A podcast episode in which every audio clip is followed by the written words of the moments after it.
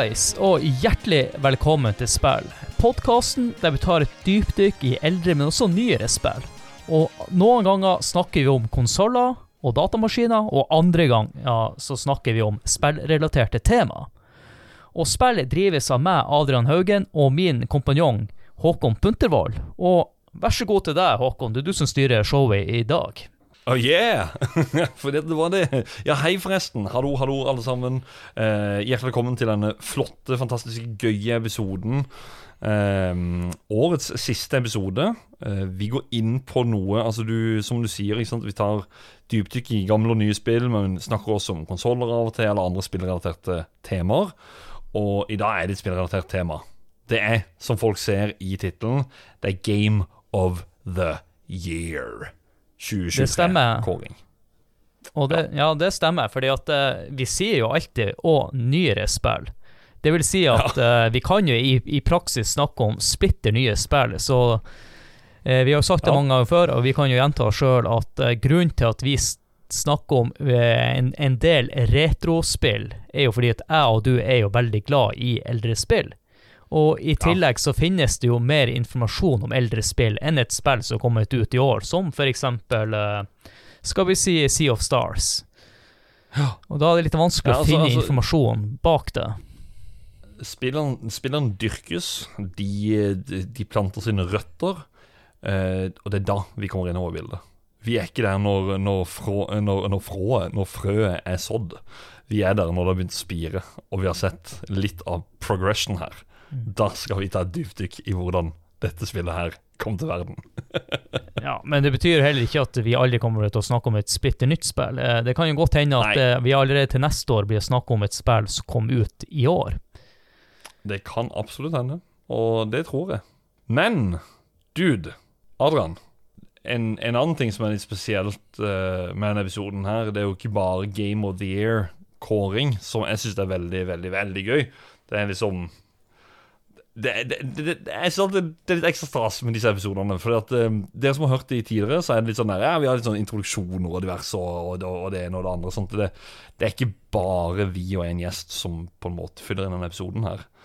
Men en annen ting som fyller inn denne episoden, det er et uh, Jeg holdt på å si rundt tall, men det er det ikke. halvveis til et rundt tall. det er i hvert fall en hel hånd med fingre. Det er fem. Det er fem år med spill. Ja, det er ganske utrolig når man, eh, når man hører det. Men eh, for min del så synes jo årene har gått utrolig fort. Men livet har jo endra seg ja. Eh, ganske mye på de årene, og spesielt for din del. For at når vi var i denne planleggingsfasen med spill, så ble det jo klart etter hvert at du skulle bli far for første gang. Noe som gjorde at du ble litt forsinka inn i i spill, men du var jo med som en slags gjest ganske tidlig. Ja. Så, var, med, eh, var med i Rykk og Napp, og det var en uh, Hva skal jeg si da Når jeg hadde PC stående i stua i tillegg, så var det ikke så veldig optimalt å spille inn podkast fra tid til annen. Og for min del så har jo jeg både flytta og nå er jeg i huset alene, men den første spilleepisoden blitt tatt inne på et soverom hvor jeg måtte bære inn en barkrakk for å sette mikrofonen på en barkrakk, og så måtte jeg løfte på eh, et lite nattbord på andre sida av rommet for å sette på laptopen, og så måtte jeg bære inn en kjøkkenstol, og så måtte jeg prate inn i en gardin fordi at det ikke skulle bli så mye romklang. Så eh, ja. fra å sitte på det rommet til å sitte her med ordentlig mikrofonarm og mikrofon og eh, PC og eh, eget kontor Og du har jo også et ganske mye større rom enn da, som du sa, du satt i stua. Ja. den, delen, den, delen, av stua eh, er liksom Der jeg satt, da. Eh, den delen av stua Det er liksom sånn Det er halvparten av det det rommet her er. da Så det har fått en kraftig vekst, for å si det mildt. Og det er jo også artig å se hvor ting har endra seg fra vi starta og til nå, med tanke på både lyttertall og gjester. For jeg husker i mm. starten så var det litt sånn her Hvem i all verden skal man få med som gjest? Eh, vi var jo heldige at vi kjenner jo en del som drev på med podkast før oss, så vi hadde jo nok å ta av. Men det, man var jo usikker på et tidspunkt, og nå har man jo kanskje et annet luksusproblem der man får inn eh, at veldig mange av oss er med som gjester, men uh, dessverre så lager vi ikke så mange episoder i året at vi klarer å få med samtlige. Nei, altså, jeg kan jo eh, Vi skal jo snakke litt om litt episoder nå, da. Jeg kan jo si at det, det er et godt eksempel på akkurat det. Det er jo sånn som med Counter-Strike 1.6-episoden vår, eh, episoden som kom ut før denne. Der var det litt sånn derre Altså, herregud. Hvis jeg, hvis jeg hadde bare sånn eh, Da, hadde var en sal, eh, 500 mennesker. Hvem har lyst til å være med og spille inn en episode med Adrian hvor vi skal snakke om Counter-Strike 1.6? Jeg er sikker på at over halvparten har sagt ja, CS, lett, jeg er med. For det er et sånt spill absolutt alle på en måte har noe spesielle minner til. Og dermed luksusproblem også vanskelig på mange måter. For du, du skal jo Vi må jo mikse og trikse litt. Det er jo ikke Altså At vi tar med en person på ett et spill der, og så vet vi at den personen er glad i det spillet òg, så er ikke eh, det er liksom, Vi prøver å rullere litt, at, at vi har med litt eh, blanda med gjester. Og eh, dere kommer til å høre flere navn etter hvert her, hvor eh, dere forstår at det ja, det er mange. Ja, og som du sier, Håkon, og, eh, spiller jo ikke bare en fortjeneste til oss, det er også det, alle de fantastiske gjestene vi har hatt med opp gjennom Ja, ja. årene. Men ikke minst også lytterne, for det har jo vært et eh, supert år for podkasten Spill i år. For det, i år Mm. så var det jo første gangen jeg og du spilte inn en episode der vi var i samme rom, og i tillegg Ja. får eh, møte så masse fantastiske lyttere, og mange vi har snakka med på discorden, og folk kommer bort, eh, ikke bare på liveshowet vi hadde på Tilt, men også på retrospillmessa. Det, Mm. det gir jo en ekstra energi, og det er utrolig gøy at det, de her lyttertallene, det er faktisk mennesker, det er ikke bare no, noe nummer på en skjerm. Nei, altså det Ja, apropos, altså det er Tilt eh, Cast eh, 3.0 som var sammen med alle disse andre podkastene. Altså, det er Ja, det, det, det, det var en opplevelse, for å si det mildt. Eh, Jeg holdt på å si, Skal vi bare hoppe litt inn og bare se og snakke litt om året som har vært, da? Vi, vi, vi gjør jo alltid det. Vi varmer alltid opp med det før vi tar inn gjesten. Jeg har jo lyst til å begynne med én ting. Eh, Mange av våre lyttere de sier jo alltid at det, de hører ikke på alle episodene, og eh, de hører ofte på spill som de kunne ha spilt. For min del, hvis jeg skal trekke frem noen episoder som har inspirert meg og jeg syns har vært morsom å lage, så er det faktisk spill jeg sjøl ikke har spilt før. Og det er de spillene jeg vil trekke frem der, er eller de episodene, er jo Portal, som ga meg en eh, fantastisk opplevelse. Eh, jeg satt jo også og streama det her spillet, eh, og mange var jo hjalp meg fra start til slutt. Det var en utrolig fin opplevelse, og det er litt artig å gå inn og gjøre research også, og lære seg noe nytt, sitte med ny kunnskap. og Jeg er utrolig glad for det, for at Portal Jeg tenkte jo før i tida at det her var et litt sånn kjedelig spill, men det er jo utrolig morsomt. Og det samme er jo med Bioshock. Jeg hadde jo kun sett masse reklame om det. eh, Sett den der eh, svære Big Daddyen. Ikke skjønt helt greia med han. Og, og satt meg inn i Har jo en litt interessant lår også, det spillet. Eh, sånn, det er jo med oss eh, både to her, Håkon, og eh, det her med at eh, av så lager jeg episoder om spill vi ikke kjenner så godt til, eller MSX for den saks skyld. Den datamaskinen som, eller datamaskinformatet som blir gitt ut i Ja. Japan. Og, og, og lære seg noe nytt. Så jeg vil jo oppfordre lytterne, ikke bare for at vi ønsker jo høyere lyttertall, men uh, vær nå litt nysgjerrig også. Det, kan, eh, det er ikke sikkert du blir å Mm. spille spillet, men uh, hvis du ikke blir å spille, så går- er det jo greit å kanskje høre om et spill som uh, du kanskje en gang tenkte å spille, men aldri blir å spille. Mm. Altså Du nevnte jo der da med MSX at det, det, det var sånn gøy. For det, det, er en, det er jo en ting jeg liksom på en måte har Jeg sier jo det i episoden nå, at, at jeg har aldri visst om MSX. Det er veldig mange spill jeg spilte på NES, som er sånn småspill som også kom ut på MSX. Eh, og har sett det da via nett, men jeg var aldri klar over liksom, at jeg trodde det var en egen konsoll eller en egen datamaskin, men nei, det var et format. Det var OK. Så det, det er veldig gøy at vi lærer eh, alt det vi gjør, på en måte. Eh, Og så fikk jo du er jo eh, Ja, jeg, det jeg vil si, Håkon, er at du fikk jo også en kjempeopplevelse her med Final Fantasy 6. Ja, det var Også- egentlig det jeg hadde Ja. Det var det jeg ville gå over til. Alltid visst om det. kommer sikkert til å snakke om det i episoden som kommer, på et eller annet tidspunkt. Uh, og um, det, det, det var en opplevelse uten like, og eh, Jeg kan bare si det sånn at det er folk som har vært på den der jeg vil ha remake av det. Nei, glem det. Spill pixel remaster-versjonen av det. Eh, men altså, så, det, var, det var en sånn Jeg vet ikke. eh, alle har jo elska det spillet i så mange år, og så tenkte jeg sånn Jeg bare kasta meg på det en gang, og så var det bare Oi, shit. eh, det, dette var noe, for å si det sånn. så um, ja. Nei, jeg syns det, det var utrolig gøy. Uh, en annen ting jeg syns var veldig gøy, det var å endelig kunne få det temaet. Og uh, egentlig da uh, også kunne si fra til dere lyttere. Vi har vel egentlig bare snakka smått om det. Siste episoden vi hadde med Spellbreak, det var med Aymar André Bergan fra Hazelight, eller Hazelight Studios, som har lagd det derre It Takes Two, blant annet, og A Way Out. Da var det Spellbreak vi hadde. Det har vi slutta med. Eller det er lagt på hylla midlertidig, fordi at vi rett og slett skal bare få litt Det tar tid, alt dette her. Um, å, å produsere podkast og gå inn på temaer og alt sammen. Så derfor så bare bare summerer vi det nå til at alt fremover nå, det er spill. Nå får vi se om Spellbreak returnerer på et eller annet vis.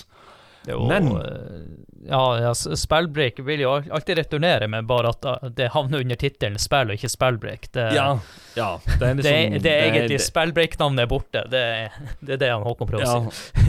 ja så eh, hidden, hidden Gems til MS-DOS Det er egentlig en Spellbreak-episode. For de andre, de er Spellbreak. Det er som er Hidden Gems-episoder.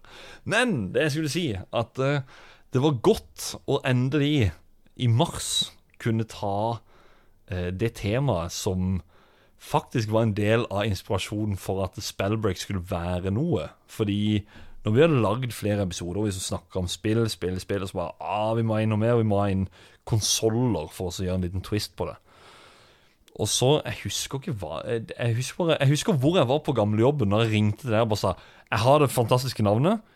Bonuspodkast. Spellbreak. Vi tar en break ifra spill. Er genius. Vi, vi må bare kjøre på.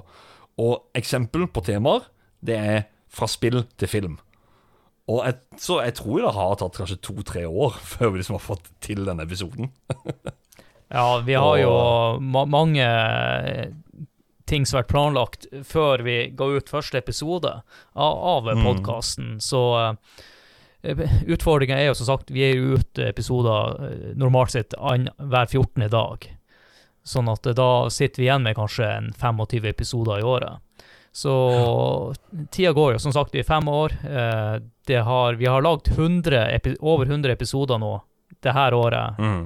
uoffisielt. Vi har funnet ut til neste år blir eh, offisielt vår 100. episode lagd. Ja. Nei, det er, det er helt sprøtt. Det er sprøtt, sprøtt, sprøtt å tenke på.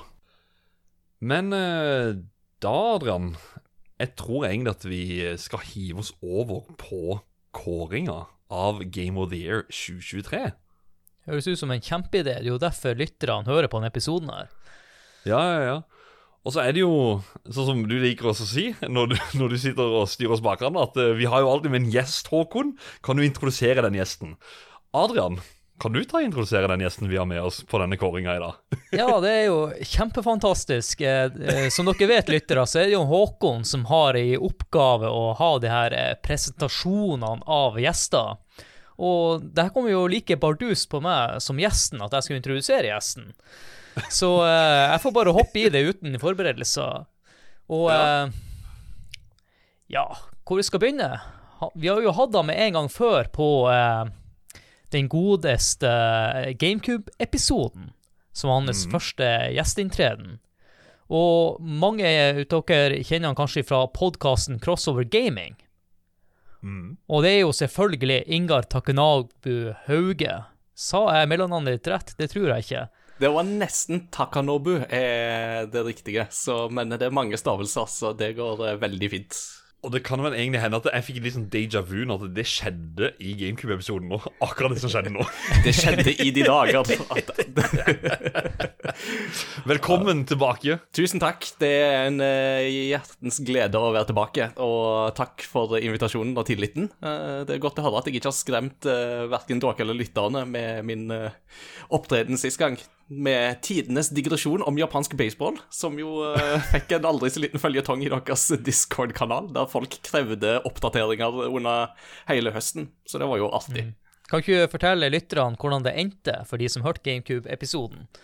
Jo, eh, jeg kunne jo komme med tidenes digresjon om eh, Hanshin Tigers GameCuben. Altså denne GameCuben som ble sluppet i Japan med motivet til, og fargene til Hanshin Tigers, baseballaget som jeg vokste opp med da jeg bodde mine første år i Japan.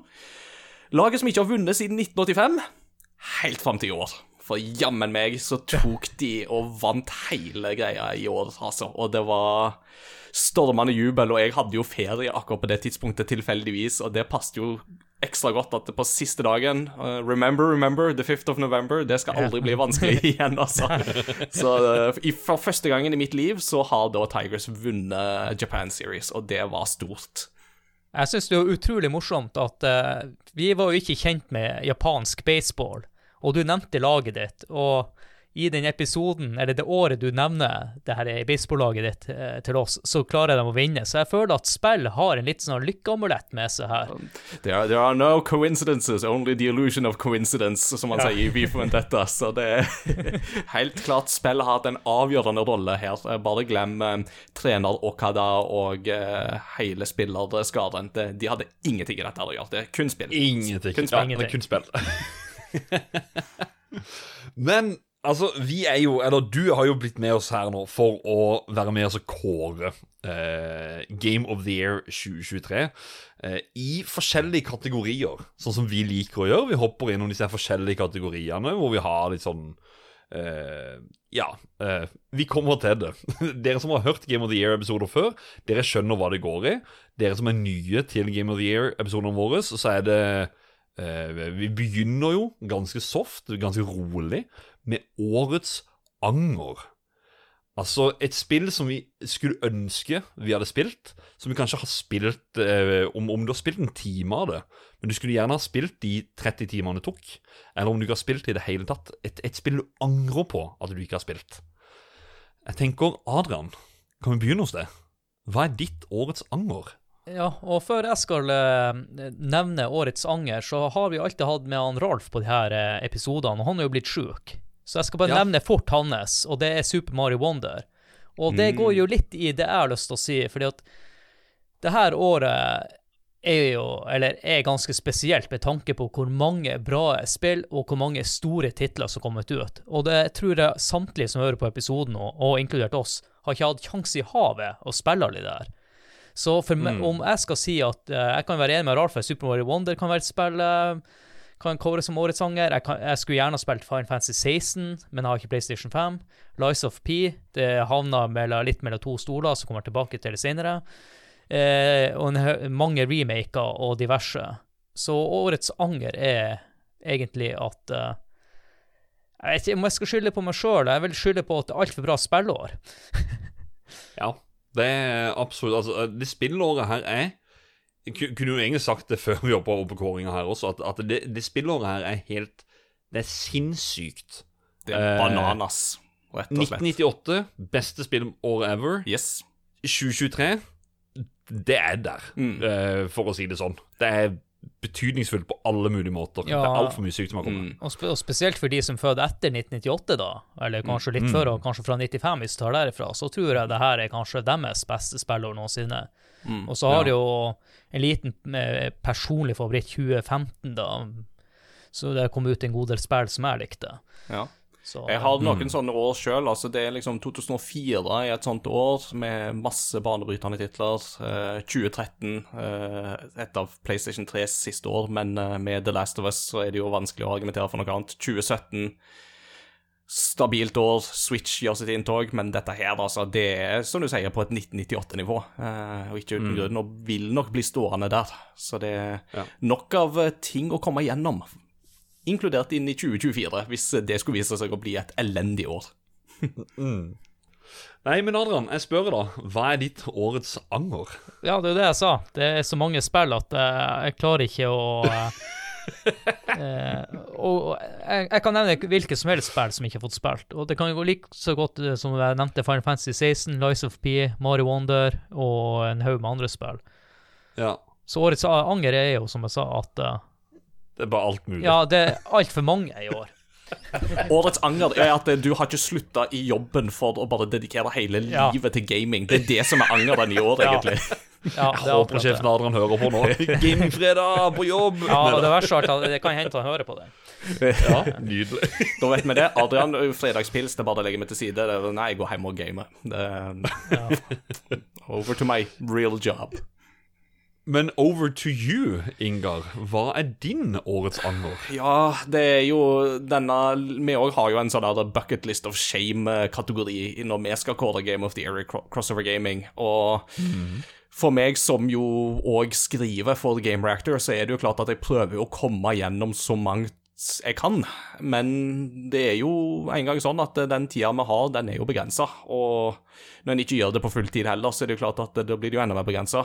Um, jeg føler jeg har vært flink å få med meg en del ting, men det er særlig to spill som utmerker seg på min sånn list of shame i år, som er veldig surt når en skal kåre Game of the Year. Og det er Starfield fra Bethesda.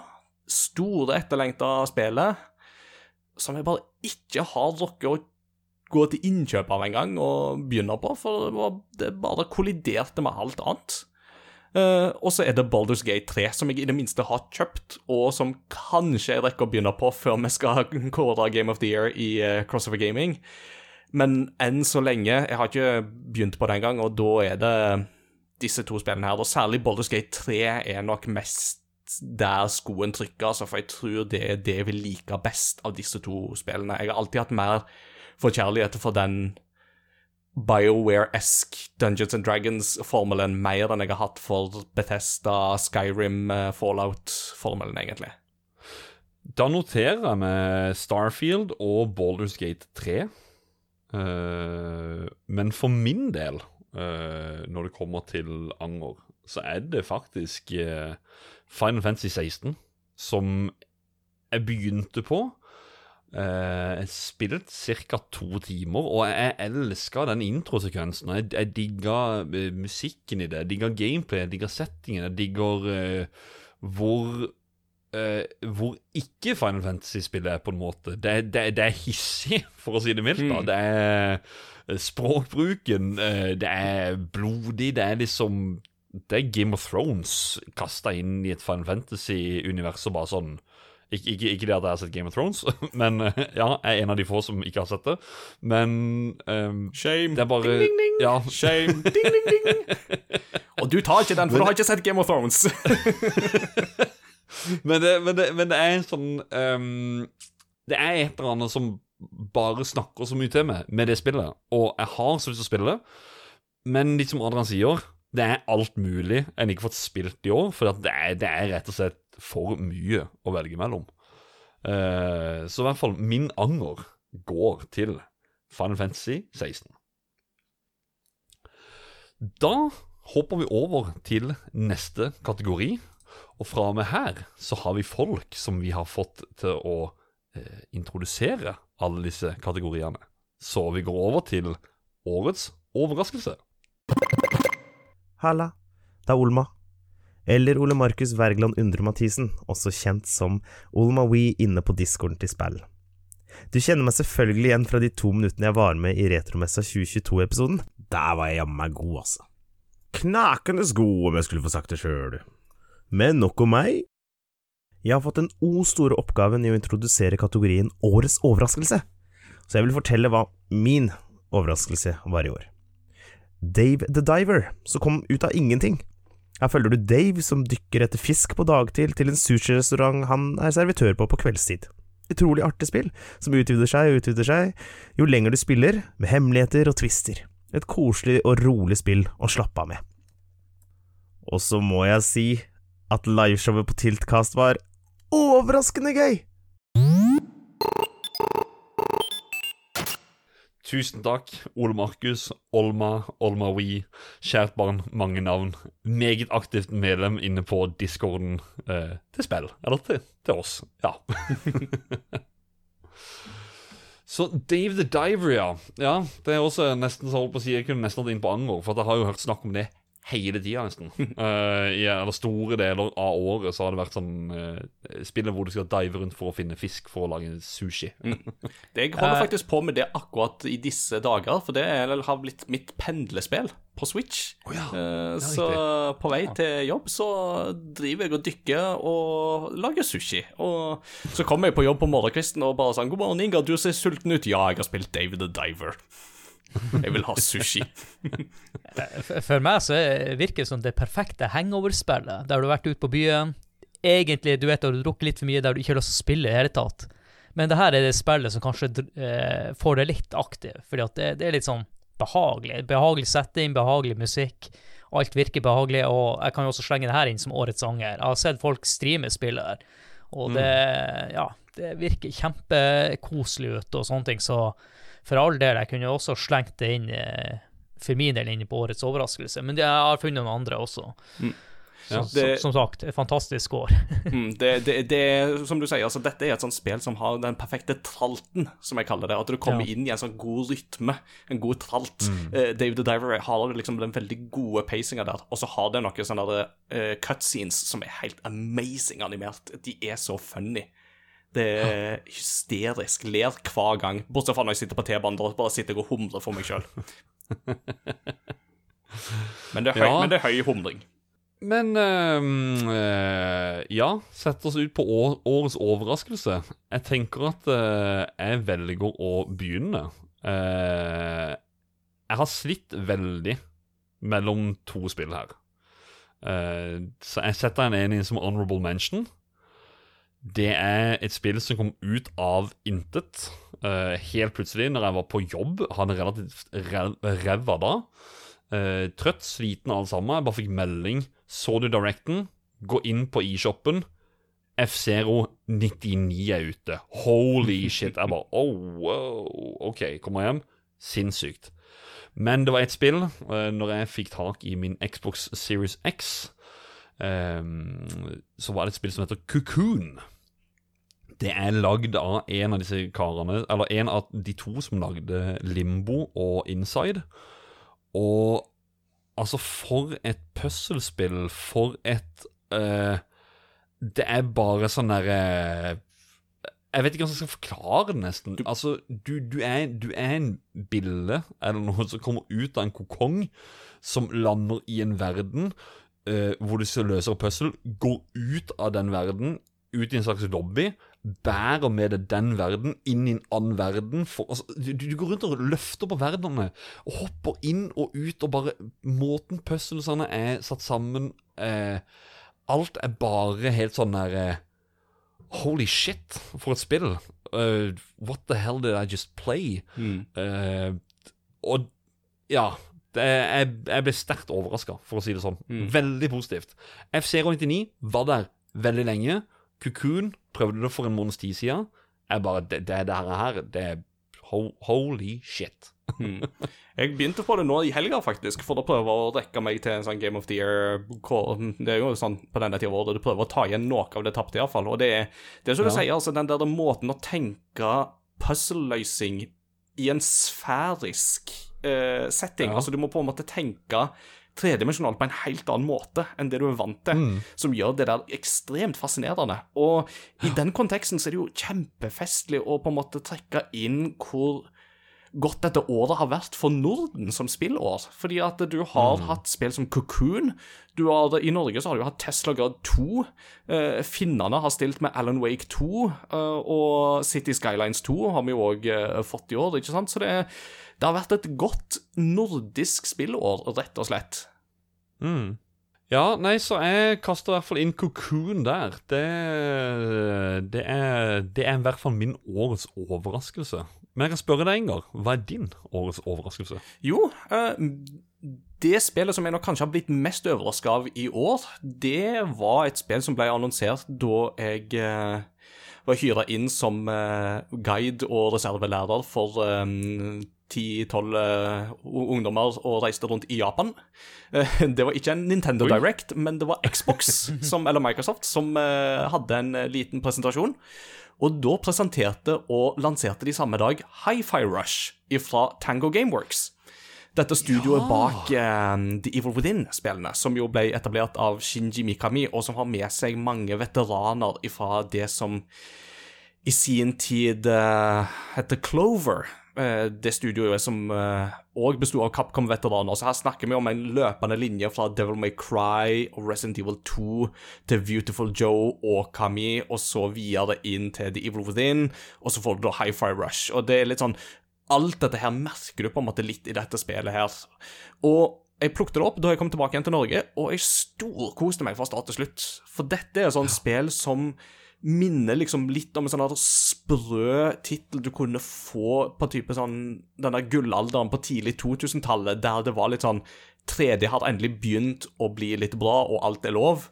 Og det er den der greia med at alt beveger seg i takt med musikken. Det flyter teknisk bra. Det er så bunnsolid 60 frames hele veien. eh, Som jo i seg sjøl har vært overraskende, for det er jo ikke alle spill i år som har hatt en like god teknisk flyt. Um, musikken er kjempegod. Det at du slåss i takt med musikken, er, fungerer kjempebra.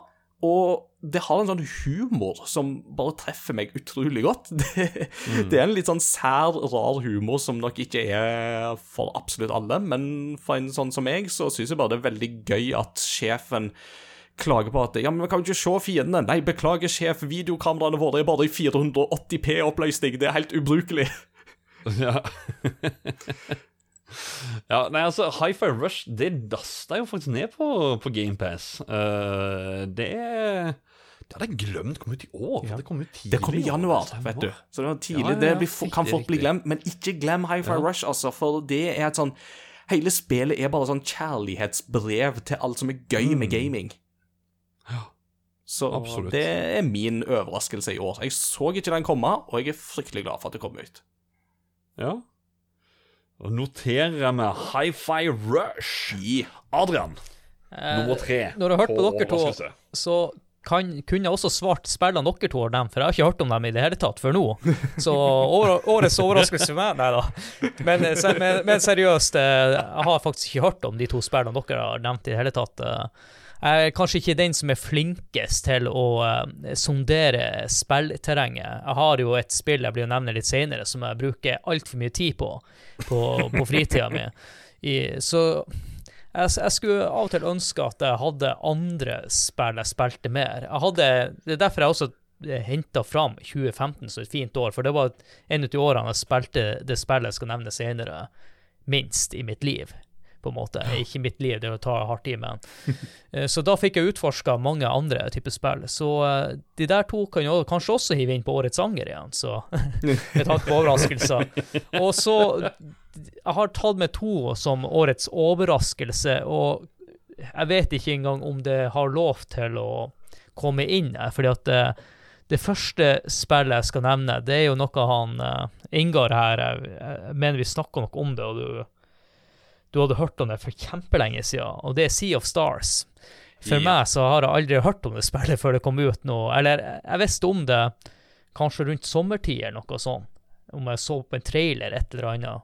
Jeg lurer på om det er Martyrik fra discorden vår som eh, la ut en YouTube-video eller en trailer av det. Det kan fort være meg òg, Adrian. For jeg var også veldig Jeg husker det sånn concept art, et, et eller annet av det spillet. Jeg bare Oi, dæven. Mm.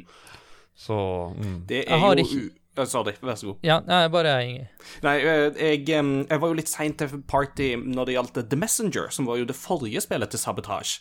Uh, og det spilte jeg først i 2021.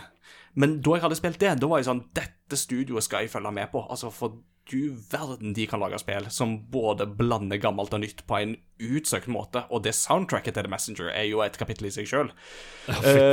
og um, så, så jeg fulgte jo med på Sea of Stars allerede fra da, så det er jo derfor jeg ikke har det som en overraskelse. Men jeg kan jo kan avsløre allerede nå at vi kommer tilbake til det.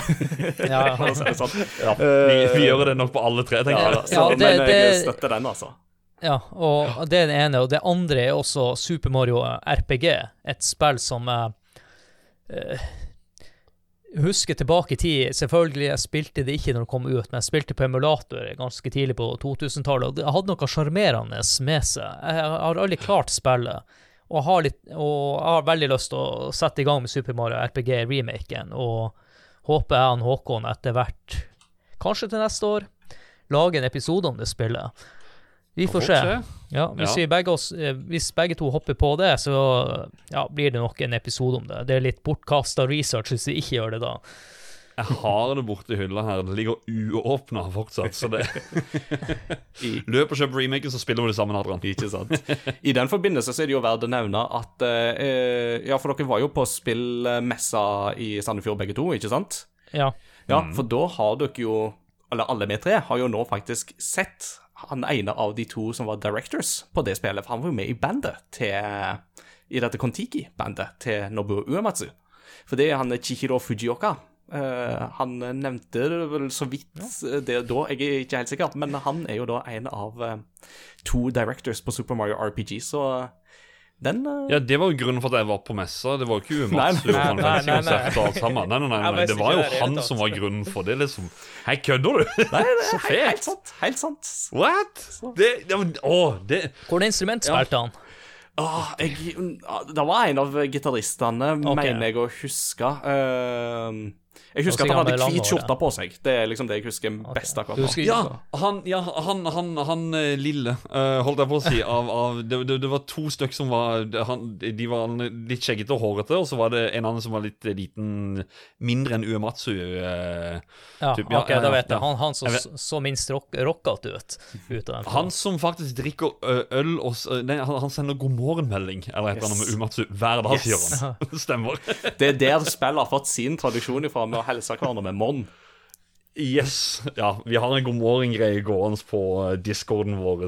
Alle sammen kom inn der og si god morgen hver dag. Det er veldig koselig. Fin start på dagen. Det første jeg gjør eh, om morgenen, eller nesten, så, men jeg er ganske sent oppe i forhold til mange som er, er oppe i firetida. Sinnssyke folk.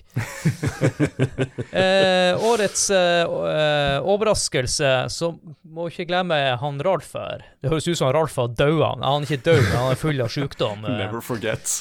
Ja, Zombie T-virus-opplegg. Eh, han skrev 'Lies of P'. Mm. Ja. Det, Det husker jeg at han faktisk har nevnt inne på, eh, på discorden, også når han satt på Voice der en gang. Så, men ja.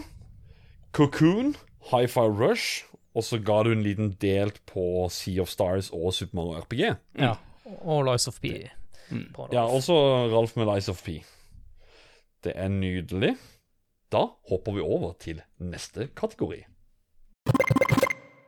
Hoi, hoi, Jørgen her, aka Retro-Jørgen. Du kjenner meg kanskje fra Retromessa i Sandefjord, eller podkasten Tilbake til fremtiden, eller den gamle podkasten Retrotimen. Uansett, eh, jeg har fått beskjed om at jeg skal introdusere eh, retrokategorien på denne Game of the Year-podkasten, som jeg antar er et konsept dere har stjålet fra Nerdcast, eh, folkens, eller husker jeg helt feil? Uansett, alle har lov til å kåre årets Game of the Year. I retrokategorien så er det mm, eh, for min del litt sånn spill jeg har vendt tilbake til, som er gamle, er eh, følgende. Minecraft, som jeg har begynt å spille igjen med sønnen min. For ja, det er ganske gammelt. Ca. 14 år gammelt. Og spillet Trials, som jeg har gjenoppdaget gjennom eh, GamePass, som jeg begynte å abonnere på på Xboxen min.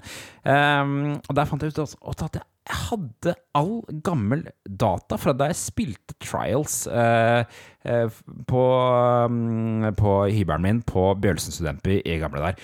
Og eh, det som var litt kult, var at eh, jeg faktisk klarte å slå et par av de der gamle rekordene mine. Hvis du ikke vet hva Trials er, så er det et slags sånn motorsykkelspill som du ser fra siden eh, med masse vanskelige baner. Ok, nå har jeg skravla veldig mye. Eh, Jeg er spent på å høre hva disse her folka her sier er deres eh, Game of the Year i retrokategorien, hvis det er det som skal kåres. All right, halla!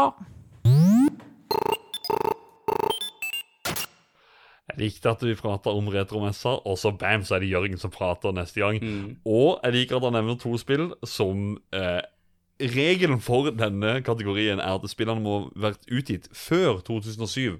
Begge de to spillene han nevnte der, er 2009. Så, men Typisk Jørgen. Ja, ja, ja, Godt svar, men feil. Uh, ja, ja. ja. Og det, men men det, gjør, det gjør i grunn ingenting, det. Det er jo en litt vanskelig kategori å ta frem eller gå gjennom, fordi at det er litt sånn Poenget med han er jo ikke å si liksom Ja, det var gøy å spille Duck Hunt. eh, Det er årets retrospill. Jeg spilte eh, Ducktales på, på NES, eh, så jeg har spilt det 500 ganger. Det er mer det at du gjerne har et retrospill du har oppdaga i år, eller som du kanskje har hørt om i mange år, du har bare aldri spilt det, men i år har du gitt liksom den reale sjansen, og vil gjerne da eh, Det blir på en måte som en anbefaling til de som hører på, at eh, sjekk ut dette spillet. Mm. Så mm, Det er i grunnen det. Og Adrian, vi Ja. starter hos deg. ja og Hva er ditt?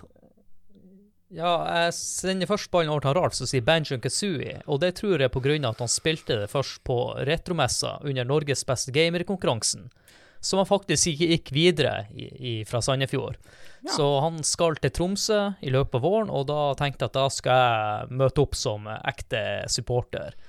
Jeg likte at du sa Banjo and Kazooie. Ja, ja og, og det har også han skrevet her. Fordi at eh, alle Ja. hever seg opp i det. At jeg, men jeg har jo alltid sagt Banjo and Kazooie, ikke litt- Banjo Kazooie. Litt sånn som de som insisterer på at det heter Alex the Kid, og det er bare sånn Ja, det er altså, Ja, ja, men det er feil, for det har jeg aldri, aldri sagt Alex the Kid. Jeg har alltid sagt Alex Kid, men Banjo and Kazooie det er bare noe som henger igjen fra jeg var Ja. liten. Uh, jeg lurer på om han spilte etterpå, men han, han koste seg med det, for jeg tror ikke han hadde spilt det så mye før den tid. Om han i det hele tatt hadde spilt det før den tid. Eh, jeg har lyst til å, Egentlig hadde jeg lyst til å si Portal, men det er jo kommet ut i 2007. Det er et spill som eh, eh, Jeg vil anbefale alle å spille det spillet, hvis du aldri har spilt det før. Det er tre og en halv time ish langt. Eh, rett før du går lei, så går du over til et nytt område hele tida. Og det er også kan, et spill du kan sitte i ei sit, sitting, og anbefale å spille det fra start til slutt, for det gir mer inntrykk på det. Det er et spill som Ja, positivt overraska. Jeg streama gjennom hele spillet også, og det er faktisk én ut av de to spillene jeg streama i år, og det er ganske dårlig til å være med. Jeg som lovde at jeg skulle streame ganske mye. Eh, et annet spill jeg har lyst til å trekke frem, men så er jo, nevnte jo Håkon det her med at eh, ja, skulle helst ikke ha spilt det før i hele tatt, og det var jo Gears of War, men det er jo også Gears of War-remaken, så jeg føler at den kanskje faller litt ut da. så da eh, står jeg igjen med Bioshock. Eh, eh, veldig interessant setting og historie. Noe av gameplayet føles gammelt. Eh, jeg skulle gjerne ha sett en eh, remake ut av det her på en måte, og, og fornya det litt på noe greier. Så noe føles skammelt, men det samme gjelder jo med Gears of War. Det, det kom, mekanikken der er jo drept nå, av eh, alle spill som kom etter. Eh, som sagt, Bioshock eh, Ikke så dødslangt, det heller. Eh, hvis du ser, setter pris på en litt gammel shooter og det der, så gjerne spill det. Mhm. Begge spillene her er jo 2007-titler, så du tøyer jo din egen strikk ganske langt. Men det er jo to knakende gode spill du trekker fram òg, så det må jo være innafor. Og hvis Ja. Bioshock også kom ut i 2007, så må jo Gears of War være det, for det kom jo før 2007. Ja, det var vel i 2006, tror jeg, så det Ja, så da blir det Gears of War. Da blir det Gears of War vi For, for, det, for, det noterer har oss. for det har jeg spilt det mange ganger før. Jeg har ikke spilt så Ja. mange retrospill som folk skal tro. Nå skal det sies at Jørgen valgte jo 2009-spillet, ikke sant? Så det, det, det er jo sånn her Altså, poenget er jo at vi egentlig bare skal gå tilbake igjen. Vi har bare en sånn pekepinn på at 2007, det er liksom Det er egentlig kravet. Kan ta utstrekning. Vi, vi sier Portal vinner med disp. Ja. Men, Ja, men, ja. men la, meg, la meg da se om jeg har skjønt dette riktig. Dette er første gang du har spilt Portal? Ja. Åh, Ja, det er første gang meg og han spilte åh Portal. dere er så heldige som har opplevd Portal for første gang. Åh, herlighet. Jeg, jeg, jeg, jeg synes jo før, når jeg så folk spille, at det så dødskjedelig ut. Jeg bare skjønte ikke. Du skyter portal, hopper igjen og kommer en annen plass. Hva, hva er moroa i det? Men hvis du starter fra scratch sjøl, og, og ikke ser andre spille, eller følger med noen spiller fra starten av og helt til slutt, det, det er jo da du sitter igjen med opplevelsen. Og det, det er jo- den reisen og alt det. Og, og det er jo GLaDOS i seg sjøl er jo verd hele opplevelsen. Ja. Altså, herlighet. Men uh, Ellen, eller Ellen McLean, så har stemmen hennes, tror jeg, er jo For en, for en prestasjon det der er. Det er så festlig. Jeg ble en sånn GLaDOS-robot en gang i, i episoden der, så det, det er bare å gå inn og høre på den. Det er min favorittrobot. eh, Det var roboten Håkon, det, ja ja. Hva er det som skjer? Men eh, Det hender, av, ja, det hender av og til at jeg eh, informerer noen på jobb at Please remember that bring your daughter to work day on Friday is a perfect opportunity to have her tested. Hvorvidt du tar den replikken eller ikke, det sier veldig mye om deg som menneske. Men hvis dere ikke har hørt det, vi lagde denne episoden i år, da. Så hvis dere ikke har hørt den, så vil jeg anbefale å høre den. Og apropos, når du sier episode Der, nå tar jeg ballen bare. Og eh, vi nevner mitt eh, årets retrospill. For det, det spillet her det er et spill som, eh, som Som veldig mange andre spill som jeg pleier å si i den podkasten her, det har alltid vært der. Eh, det har alltid vært rundt der. Det har alltid vært noen som har spilt det, alle sammen. Og jeg har alltid visst hvor bra dette spillet her er. Eh, jeg har bare ikke satt meg ned med det. Jeg har bare ikke fått tatt meg ordentlig tid til det. Men når vi ble enige om at vi skulle lage en episode om Final Fantasy 6, da måtte jeg jo hive meg ned foran det. Å, herregud, for et spill! Altså, hallo! Um, Final Fantasy 7, jeg elsker det. Det er, det fortsatt Det står over sekseren for min del. Men altså Gibaloni, det vi, Ja, vi snakker om det i hele episoden, egentlig. Og, og altså eh, du, du tror liksom det handler om den ene personen, men så er det plutselig Oi, nei, der handler det om den. Det handler om den. Det handler om Altså, herregud, det, det handler seg om hele teamet. Det er plutselig hele Spillet i sin helhet har så delt opp i uh, i Kall det hovedpersoner og åssen ting utvikler seg. Eh, og så er det bare stilen. At det er et Super Nintendo-spill i tillegg, som bare er sånn der eh, er tier.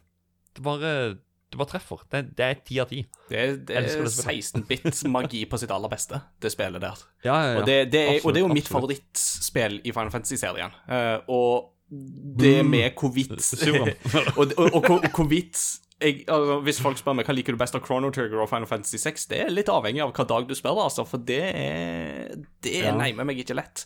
Uh, Nei. Jeg har jo en liten brannfakkel, og det er jo det at eh, folk har jo liksom snakka om at de syns at Final Fantasy 16 var så mørkt. Jeg syns Final Fantasy 6 er vesentlig mørkere, og klarte det bedre. Og Ja, ja, ja. ja. Ja, det er major dark turns der, altså. Du må, du må bare klare å se det med de 16-bit-øyene. Du må se det liksom eh, Nei, jeg vil ikke, sånn som vi snakka om i spillet, jeg vil ikke ha det som en remake, eh, sånn som Final Fantasy 7 har fått, fordi at det, det er visse karakterer som ikke egner seg til å være full 3D, eller uh, eh, Ja. Uh, Det blir fake. Altså, Mm. det, må, ja, det må være sprites. Men hvis du klarer å bare se det fra det perspektivet som det er, så, så er det en hitter, altså. Det, det treffer deg så rett i uh, hjerterota og alt. Mm. Operascene hvor du nesten får tårer i øynene fordi at du hører 16-bit. Altså, Jesus.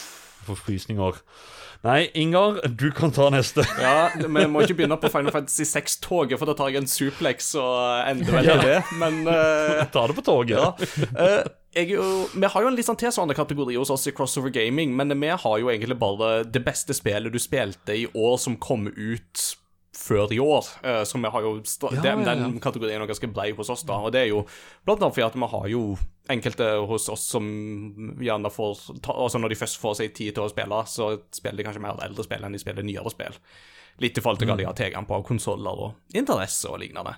Eh, Min retrospilling i år har vært litt mindre enn tidligere år, men jeg har et par titler som er verdt å trekke fram. The Legend of Zelda, Oracle of Seasons og Oracle of Ages er vi akkurat ferdige med å spille i den eh, Discord-kanalen hos oss som heter Retrospellauget, der vi blir enige om et spill som vi skal spille sammen, og så møtes vi en gang i veka for å snakke om de erfaringene vi har hatt. Det er nesten litt som en bokklubb, kan du si. Eh, og nå er vi akkurat ferdige med Seasons og Ages, og dette er to Zelda-spill som vi faktisk ikke har spilt før. Um, jeg er såpass heldig at jeg fikk tak i en Analog Pocket da den kom ut og var splitta ny, og den har jo virkelig fått uh, brynt seg nå i høst, der jeg har spilt Oracle of Seasons og Ages på deg, fått tak i uh, kassetter. Ages fikk jeg vel kjøpt på retrospillmessa, og uh, Season kjøpte jeg som en bursdagsgave til meg sjøl. og, og dette var artige opplevelser, altså, og det er jo veldig gøy å se Capcom prøve seg på Zelda-formelen, og de klarte det liksom ganske greit, men du merker samtidig at de, de, de har ikke helt den der Nintendo-polishen som Links Awakening har. Så de mangler på en måte litt At det er noen gåter som blir veldig kryptiske og sånt, og du skjønner at det, denne guideboka til disse spillene solgte så godt som den gjorde, for det var jo noen ting som var helt umulig å finne ut av før internettets tid, altså. Eh, men, men veldig fine spill, og så er det jo veldig gøy for den som jo leder arbeidet med de, det var han som heter Fujibayashi. Og han har jo seinere vært director for både Skyward Sword og Breath of the Wild slash Tears of the Kingdom. Så det er veldig gøy å se hva som var på en måte hans første director-prosjekt. Eh, Ja, og riktig. det er jo særlig i Oracle of Season så har du en sånn hanske som er magnetisk, som du kan på bruke til å enten trekke ting til deg, eller at du støter ting fra deg, eller deg sjøl. Og dette minner jo litt om på en måte ultrahand-mekanikken i Tears of the Kingdom. og litt sånn. Du, du, du kan på en måte trekke noen tråder der som er veldig, veldig artige. Ja, ikke sant? Men Jeg har for øvrig Oracle Seasons på originalkart, og ja, det er gøy ja. spill. Men, eh, spilt. men det er et spill som likevel kommer bedre ut, og det er Earthbound. Og det er litt juks, fordi jeg begynte egentlig på Earthbound som en del av retrospillauget i fjor høst, men vi ble ikke ferdige før jul. Så jeg ble først ferdig på denne sida av eh, kalenderåret, så derfor så vil jeg ta det med i år. Eh, og det er en rar SNES-perle av de sjeldne, altså. Ja. Det, det, er, altså. det spillet er så weird. Og det er helt fantastisk. Det, hvor sprøtt og rart det er, og den musikken i det spillet òg er jo et kapittel for seg sjøl. Så Earthbound har uh, virkelig eh, funnet en plass i mitt hjerte, altså. Vi lagde jo Earthbound-episode i fjor, da. Og uh, årets anger i fjor på en måte må jo vært han Håkon som ikke hadde satt seg ordentlig godt inn i sisteposten, for du var så irritert etter episoden, Håkon, Ja, at hvis det er noe du har lyst til å gjøre om på noen av episodene vi nå har, har laga, så er det jo den her siste delen når vi snakker om sisteposten. altså Altså, for en Apropos bare det jeg nevnte i stad med Final Fantasy 6, at det, det spillet er dark. Det er utrolig mørkt. Earthbound er så dark på slutten at det er helt sykt. Det er sånn Du får ikke mer pure ondskap slengt opp i trynet. Eh, ness, ness, ness, ness, ness, ness, ness, ness. Ja, ja, det er bare pray, pray, pray. Det er bare, det er bare hva, er det som skjer? Eh, uh, Gale-Mathias, bokstavelig talt. Absolutt. Men men vet du hva, altså eh, Skal sies at kåringa eh, Jeg vet ikke om du ble informert om dette her i forkant, men eh, vi har en liten regel med at hvis du begynner på et spill i desember året før, så kan det også liksom regnes med. Ja. Fordi at da er det et Så siden du nevnte desember, så, så går det jo også selvfølgelig med, da. For det, det, det å ta med spill fra desember er ikke like lett når vi spiller inn Nei. I midten av desember. Jeg må jo støtte Ingar der at eh, Earthbound er en unik opplevelse. Jeg vil oppfordre Ja, folk til å, å, å spille det. det. Det er noe du, noe du aldri har spilt før, og man tenker mens man spiller at det her er forut for sin tid på så mange måter. Og det hadde vært eh, interessant å se hvis de har kommet med en ny Earthbound nå. Jeg ville gjerne ha det litt i den isometriske stilen, kanskje litt oppdatert. og Ja, det er unikt. Det må jeg si. kan si at eh, du må nok inn i et mindset for å begynne på det. For det det, det, er, ganske unikt. Det er ikke noe sånn der, Det er ikke som et vanlig RPG-spill på, på noen sånn måte. Det er Japan prøver å dra inn litt Jeg vet ikke dagligdags amerikansk kultur over til deres i en litt spesiell RPG-måte med musikk, alt mulig. det, er litt, det er litt sånn hvordan japanere ser på USA på liksom Hvis USA er Florida Man. Det er litt sånn. Og så, så må man heller ikke glemme at uh, man, når man spiller spillet, så spiller jo barn, så du ser litt gjennom deres øyne. Sånn at Ja. uh, de karakterene du ser som et monster, er kanskje ikke et monster i virkeligheten. Sånn damer med handleposer, for eksempel, som slår deg med handleposen. Det er ikke nødvendigvis et monster, men de kan være skumle for det. Ja, ja. Ja. jo, nei, men da, da noterer vi oss Gears of War og litt Portal. Uh, vi har Final Fantasy 6, og så har vi Earthbound. Vi går over til neste kategori. Hello! Det er Alex Espeseth fra podkasten Bleeps og Bloops, hvor vi snakker om spillmusikk. Jeg har fått den ærefulle oppgaven å presentere kategorien Årets soundtrack.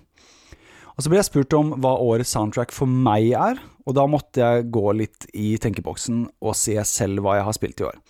Og det er så mye bra som har kommet ut i år. Altså Fire Emblem Engage, Pikmin 4, Diablo 4, Final Fantasy 16, Ballerskate 3 Altså, det er så sinnssykt mye bra. Og jeg tenkte først jeg hadde lyst til å gi det til Super Mario RPG, uh, remasteren, men jeg har litt lyst til å gi det til et spill som ikke er nye arrangementer av gammel musikk, men helt original musikk. Så for meg så endte Sea of Stars opp med å bli årets soundtrack. Og det er rett og slett fordi det er en moderne hommage til Yasunori Mitsudas verk, som da er musikken til Krono Trigger, et helt fantastisk spill. Så om du liker Krono Trigger, så liker du Sea of Stars, og da liker du også musikken til disse spillene. Ta og Sjekk ut Sea of Stars, det er helt fantastisk. Nå er jeg spent på å høre hva årets soundtrack er. Tusen takk for meg. Alex Espseth der fra Bleeps and Bloops, som kasta ut Sea of Stars. Som Ingar nevnte, så vil det spillet bli nevnt ved senere anledning. Eh, jeg tror at vi kommer til å velte innom det på denne kategorien. vi kan begynne hos deg, Ingar. Ja. Hva er ditt årets soundtrack? Jo, det er Sea of Stars. Eh, så, Ja, er det det? så Alex, Alex har god smak i Bleeps and Bloops. eh, Veldig riktig som du sier der. Og det er jo ikke bare det at det er en hommage til Yasunori Mitsuda, men Mitsuda er jo òg med på å lage Han har jo laga enkelte av sporene på dette soundtracket. Ja, ti Ja, samme, tror så det er jo ikke veldig mye, men det meste her det er jo Eric Brown eller The Rainbow Dragon Eyes, som han òg kaller seg. Og det er jo det, For et mesterverk dette her er. Men siden han jo allerede har snakka så mye om det, så kan jeg jo heller ta litt ekstra tid på å snakke om min shoutout, som da er Alan Wake 2. For herlighet, den musikken i det spillet der er helt bananas. Og hvis du skal kåre årets enkeltmusikalske øyeblikk, så vinner Alan Wake 2 både i år og til neste år og året etter det og alle andre år. Så herlighet. Finnene i Remedy har overgått seg sjøl med musikken i det spillet der i år, altså. Det er helt amazing. Det kan ikke anbefales nok. Så Sea of Stars er den egentlige vinneren, men Alan Wake 2 var det jeg nå kunne snakke litt mer om, siden eh, Alex eh, tok, eh, tok seg av Sea of Stars-biten. Det er, jo, det er jo interessant, det der, for at uh, vi snakker om årets anger. Jeg bare hører spillet, bare glemt helt av Diablo 4, ikke sant. Uh, Baldur's Gate 3 og ikke sant? Bare- nevner nevne spill. Bare tenker faen, jeg har ikke spilt det, jeg har ikke spilt det. Når skal jeg få spilt det? eneste jeg tenker under episoden, er når skal jeg få til å spille de her spillene. Og så kommer det jo nye spill til neste år, og ja. Eh, vanskelig greie. Og- og- Luksusproblem. Og det, og det har jo En ting er jo det at det, kvaliteten på noen av disse spillene har jo vært vekslende, men alle de som har nevnt det der, er bare sånn Yes, musikken der er helt prima. eh, helt utsøkt.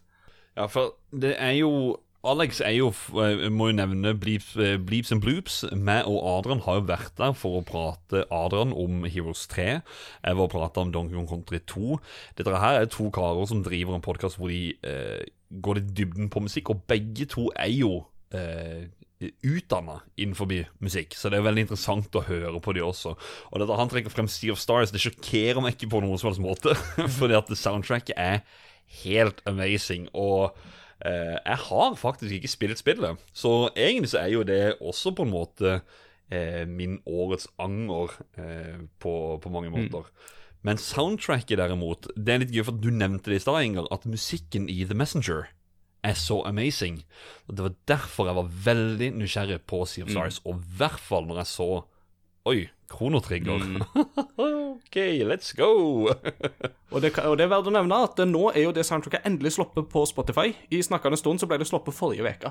Så check a look, eller check a listen. Å, Yes. nice. Ja, jeg venter på noe major vinyl-release. Kan hende at det allerede er gjort, men eh, ja. Adrian, hva er din? Jeg, jeg lurer på hva var din? Nei, det eh, Sea of Stars. Sea- of Stars. Ja, ja, ja. Ja, Du bare snakka på en måte som det, aldri du konkluderte noe. Det var alle andre Nei, konkluderte med. ja, ja, ja, ja, nei, nei, nei, det var egentlig bare at jeg var, jeg var helt enig. Eh, det er Sea of Stars. Det er ja.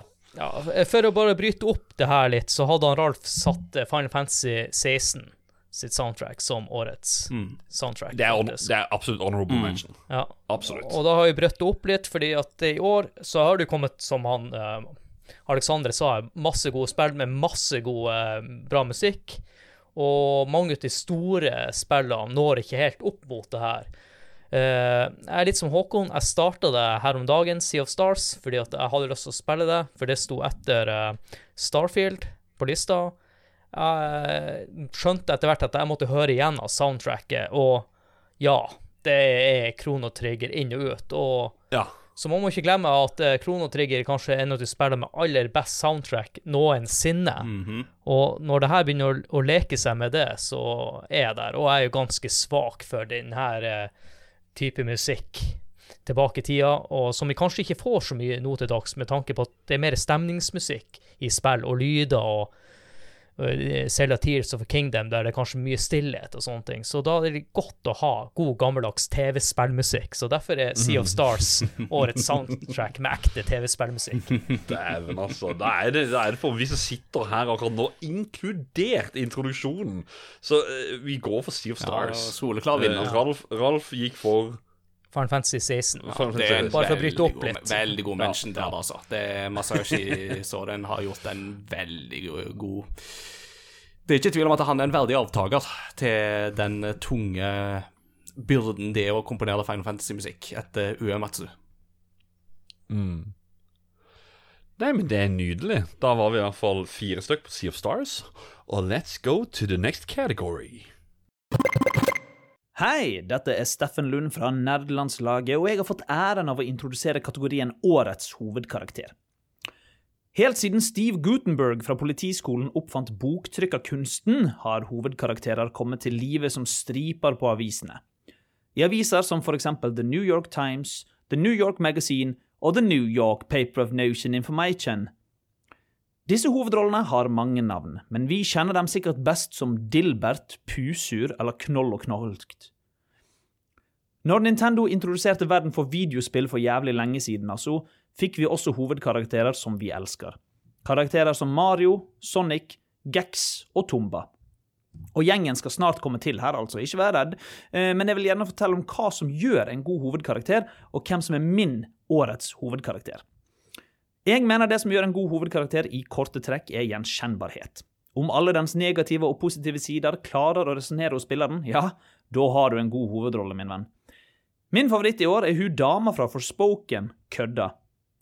Neida, men min favoritt i år er, og jeg beklager på forhånd, Håkon, fordi du sa spillet måtte komme ut i år, eh, men det kom ut til alle konsoller i år og PC i fjor, og jeg spilte på PlayStation i år, så jeg teller det som et spill fra i år, så får heller dere krangle i podkasten om det. Men min favoritt i år er den lille alligatoren som du spiller som i Lill Gator Game.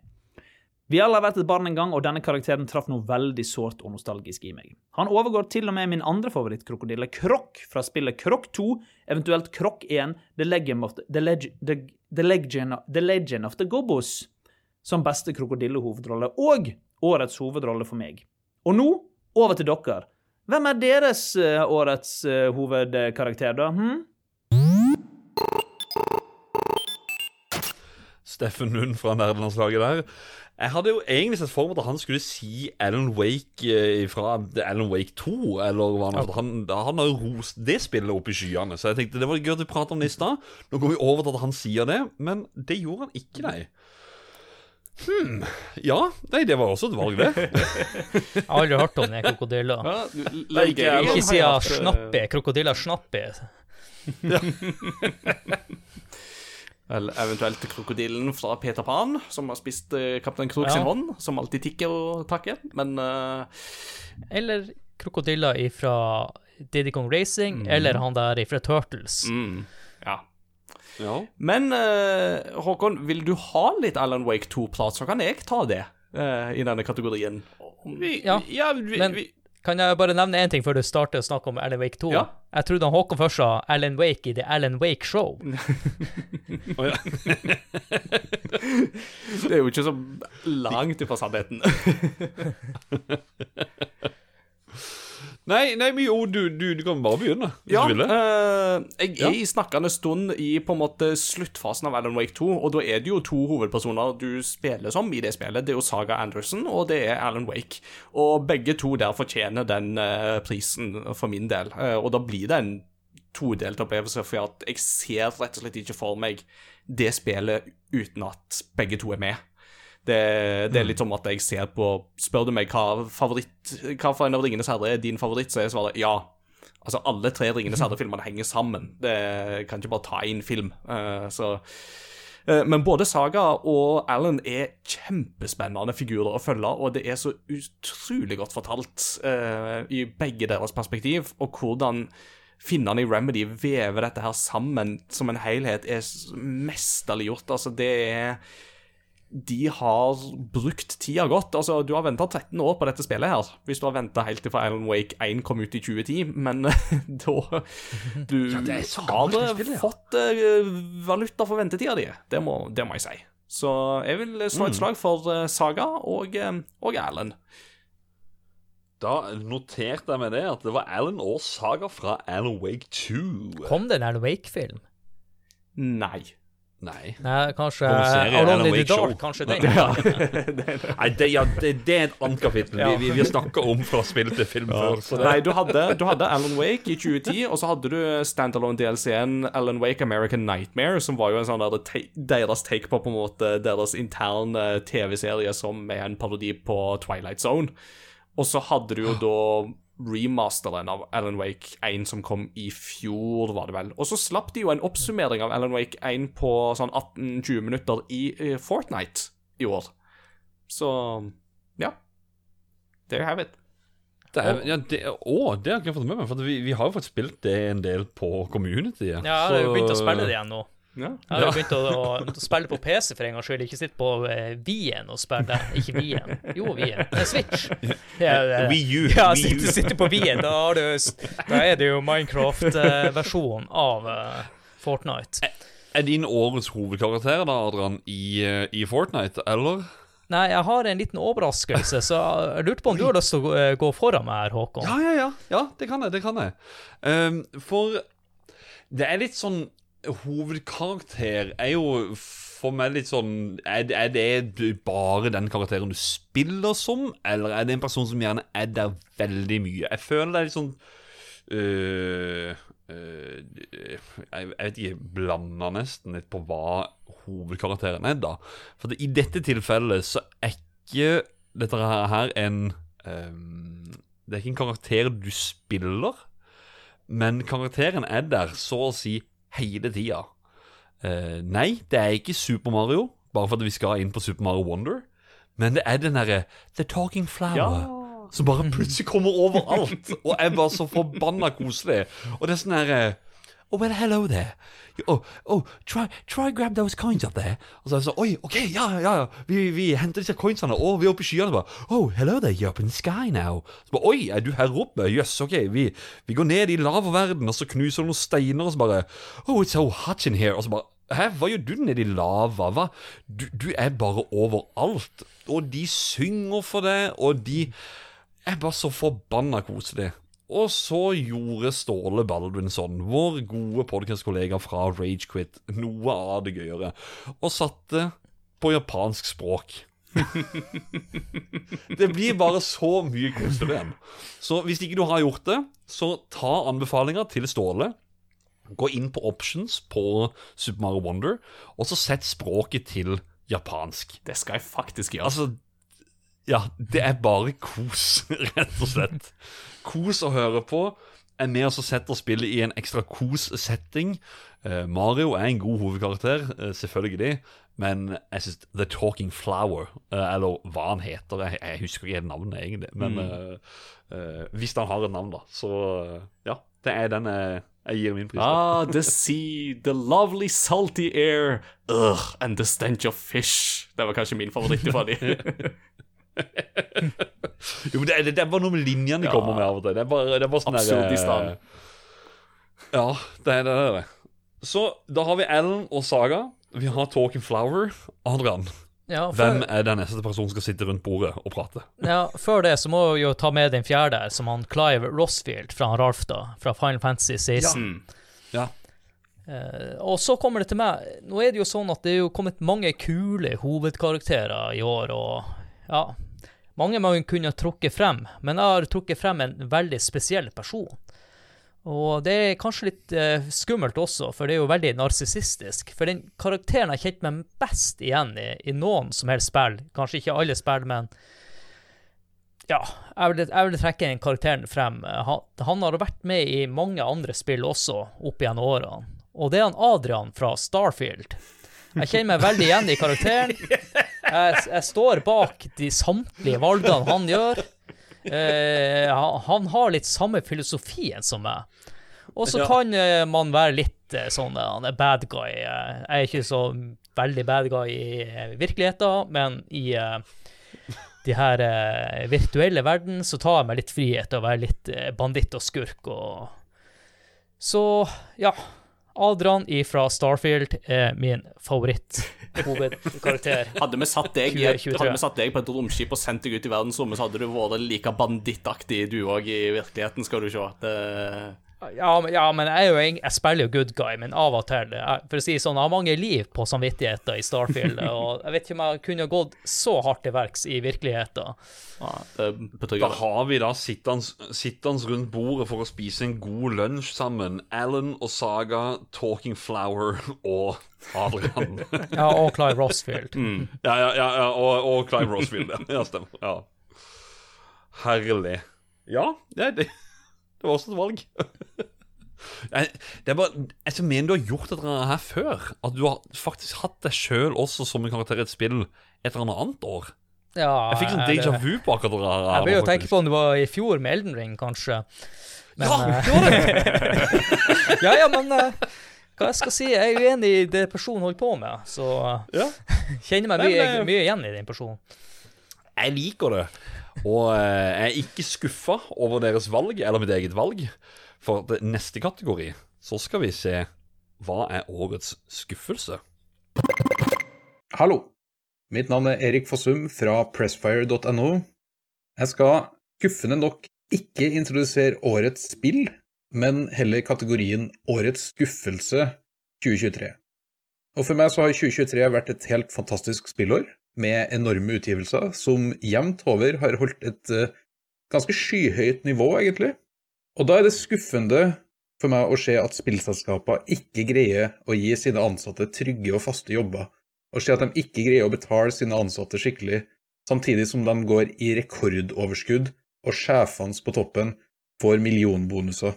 Det er skuffende å se at bransjen fortsatt slår ned på fagforeninger, at de velger å la være å ansette dem som blir med i fagforeninga, at kontraktsarbeid fortsatt misbrukes i stor grad, og at royalties fortsatt ikke er en greie i spill. Og noen ganger så greier ikke engang selskapene å inkludere dem som har bidratt i utviklinga i rulletekstene til spillet. Bransjen har aldri vært større, den har aldri vært bedre, aldri vært mer inkluderende enn det den er i dag, og den har samtidig aldri vært griskere, mer ekskluderende og mer tafatt enn 2023-utgaven. For meg så har det vært årets største skuffelse. Erik Fossum, fra spilljournalist og eh, har vært i gamet i mange år. Samme som Ja. og og eh, samme som Karl Martin Hogsnes fra Level Up gjorde under sin introduksjon for to år siden.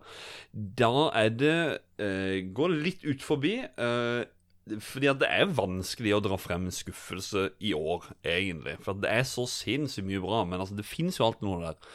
Men det jeg liker her, det er at det blir faktisk tatt frem litt av den seriøse biten i det. At uh, Og det viktigste. det, Ja, det, det, det, det, det er faktisk grunnmuren her for hva som uh, At det skal være en In a circle of life.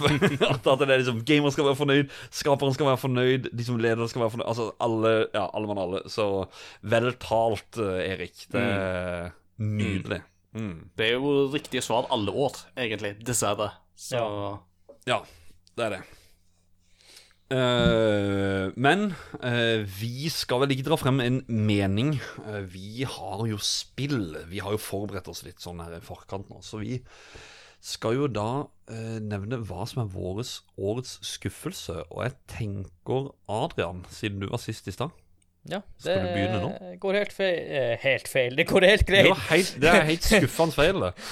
Eh, Tunga slo krøll der. eh. Først må vi trekke frem han eh, Ralf, som fortsatt ikke er død. Han skriver Starfield.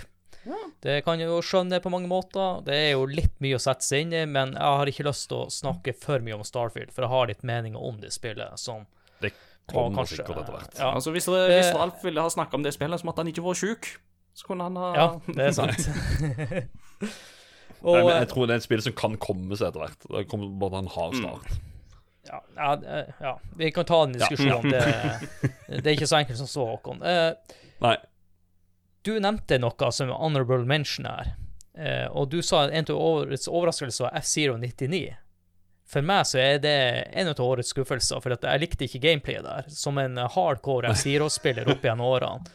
Og be- å komme på en 80.-plass, det hører ikke hjemme noen plass når man har vært i- og lukta litt på verdensrekorder.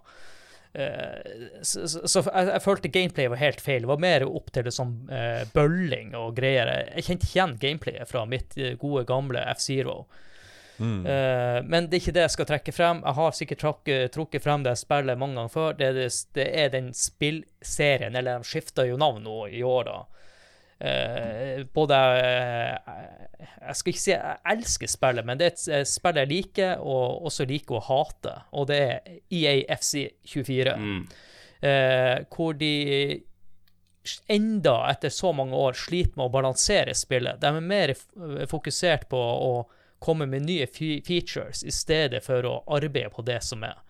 Og jeg har sagt det tusen ganger før, hvis dere tror at det er samme Fifa hvert år, grafisk, ikke store forandringer, det kommer inn nye spillere, nye andre spillere ut. Men på det spilltekniske i år, så er det dødskjedelig. For eneste måten å angripe på, er å spille langs, langs kantene. Og du må snu spillet hele tida. Det går ikke an å mikse opp gameplayet, sånn at alle kampene er identiske, og sånn skal det ikke fotballspill være.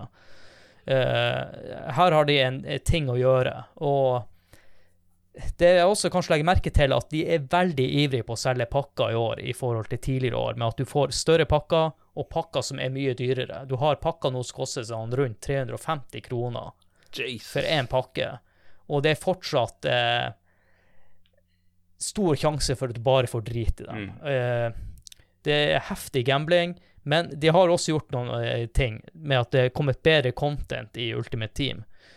Eh, men allikevel, de fokuserer for lite på å få balanserte gameplayet som vi i eh, communityet eh, snakker om hver dag. Nå har det kommet ut en patch i dag. Jeg, har- fått spilt én kamp, jeg har ikke fått testa det ut, men EAFC 24, årets skuffelse. Egentlig ikke noe overraskelse fra min side.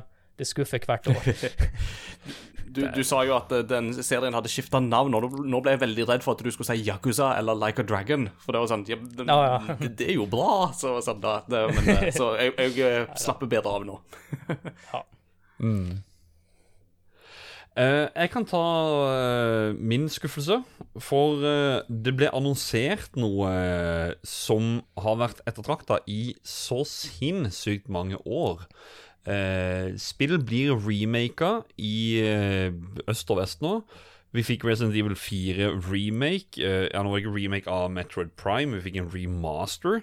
Eh, det blir også remastera veldig mye spill nå. Og det er liksom Det er kommet til et nivå nå hvor det er bra. Det er, ikke, det er ikke dårlig på noen måte. Eller hvis det kommer en oppfølger til et gammelt spill, så de fucker det ikke til på en måte. Det, det er alltid noe som er veldig bra med dette her. Eh, de har prøvd med denne spilleserien her eh, Når det først kom ut eh, på Nintendo 64, så har det vært ønska tilbake igjen i så sinnssykt mange år. De har slitt med rettigheter, selv om Rare har vært eh, de som har vært borti Eller som har hatt eh, med- publishinga og eller utviklinga av spill å gjøre. Eh, Nintendo Publishing eh, Rare utvikling. Um, men hvem som sitter på fulle rettigheter til dette spillet her? Eh, det har alltid vært en berg-og-dal-bane på hvem er det, eller hvordan kan man få ut Golden Eye 007 på nytt igjen? Plutselig så kommer det annonsering at det kommer på Switch og på Xbox. På Xbox så blir det en sånn fulloptimalisert utgave. Jeg har nettopp spilt det nå nylig på eh, Series X-en. Det funker jo dritbra på Switchen. Herregud, for noe Jeg spyr! Det, det, altså, det, det er så drit at jeg finner ikke ord. Du må inn og fikse om på kontrollere for at det skal være litt optimalt. Du må til og med helt ut på hovedmenyen på konsollen for å fikse det. De gjør det så simpelt at de bare Nei, øh, vi, vi skjøtter jo ned alle nettsider fordi at øh, folk skal ikke ha romfilene til gamle spill. Jeg kan skjønne det, men det er det de gjør med Switch Online. Switch Online er bare en evig uh, emulator-dryppende greie som de bare dumper en eller annen romfil, som de sikkert har lasta ned sjøl, for de har garantert ikke dumpa de spillene sjøl på sin egen PC. Og så bare legger de det inn, og så vær så god, spill i vei. Det er ikke optimalisert for dette her. Du kan like rett kjøre det på gode, gamle Project 64-emulatoren. Jeg ble sur når jeg pratet om dette. Fy, så skuffa jeg ble. Lag noe ordentlig, vær så grei, istedenfor å bare tenke Å, det er penger i dette. Vi kan bare kjøre på. Vær så god, Ingar.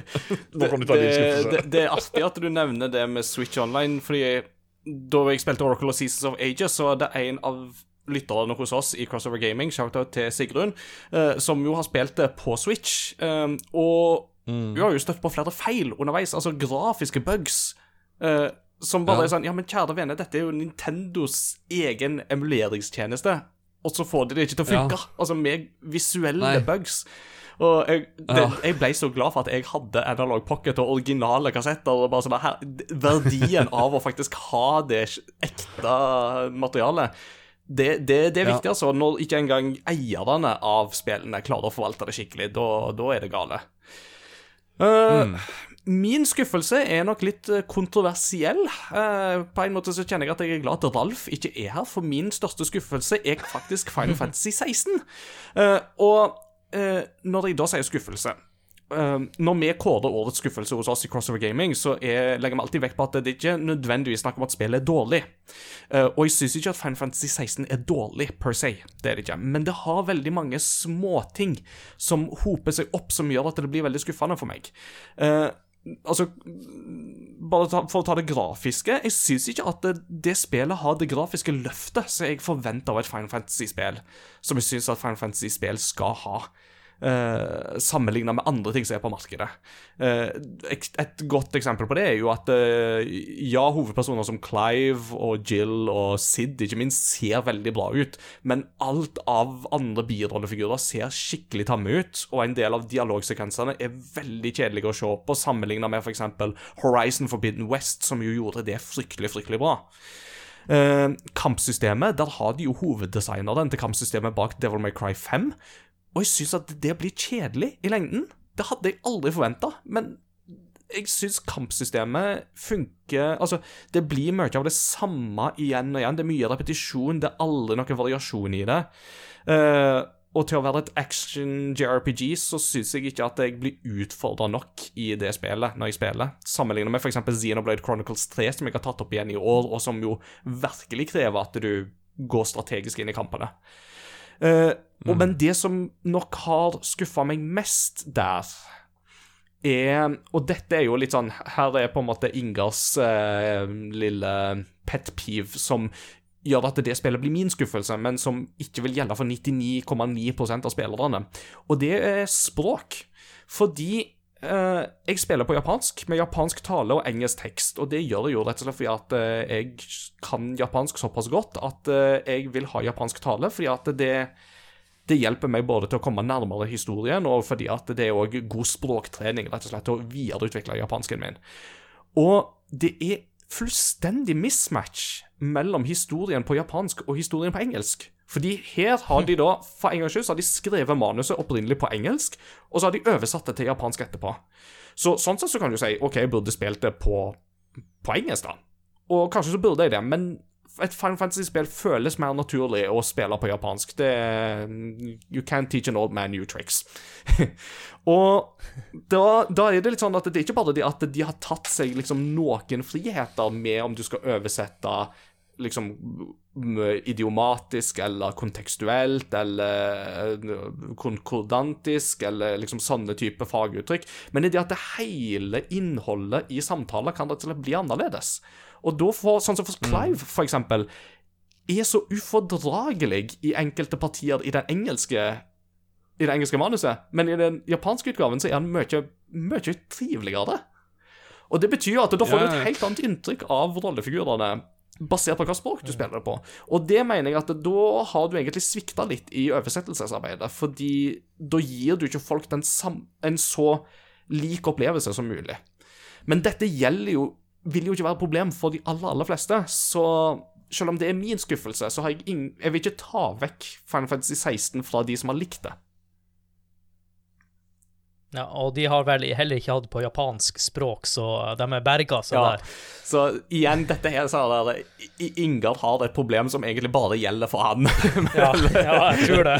så, men uh... Jo, men, det, men det, det, er jo det som er litt interessant også med denne skuffelsesgreia. Jeg tror heller ikke det er veldig mange som er skuffa over det med Golden Eye. Det er bare det at jeg blir så irritert over valgene de tar rundt det. Det er jo ikke, det er jo ikke spillet som skuffer meg. Det er egentlig men, ja, det, det, er jo, det, er jo, personlig greie der. Det, det, er jo noen som sier noe 'Herregud, Adrian, fy faen for en idiot som ikke liker F-Zero 99', ikke sant? Og, så, sånn er det nå. Men, men, så er det jo andre, Det betyr ikke at vi har fasit. men så er det jo andre ting i dette, her, sånn, som sidequestene syns jeg er kjedelige, for eksempel. Og det er jo en mye, mye mer alvorlig, gjenkjennelig problemstilling du valgte ikke bare å gi deg nå når du allerede hadde en triade. Du bare, du bare kasta enda mer uh, fuel på bålet. Jeg tror vi må, komme oss videre fra det er folk så rare. All, stopp now. Det ble min lange digresjon, men jeg følte det at uh, særlig det med språk, det krever liksom litt uh, forklaring, så ja. Men interessant. Interessant var det i hvert fall. Jeg skal i hvert fall si at Sidequest jeg, jeg, har hørt det samme der også. Men uh, ja, ja. Vi, uh, vi, lar det ligge da med uh, FC24. Golden Eye 007 på Switch og Final Fantasy 16. Og Starfield. Ja, og, ja, og, og Starfield. ja, men sånn, er det, sånn er det, når, når han eh, Ralf ikke er, så blir han litt glemt av. Ja, han gjør det. For jeg, jeg, jeg har tre navn å fylle inn på lista her. Jeg, jeg har ikke fire per punkt, så det, Ralf, du blir litt glemt. Beklager. Jeg er veldig glad i deg uansett. Men dere, vi har snakka nok om skuffelser. Nå skal vi over på siste kategori. Halloisen! Det her er Jørn Stian Tvedt fra Asbjørns julekalender. Eller Nissen i bingen, om du vil. Vet ikke hva du ser på.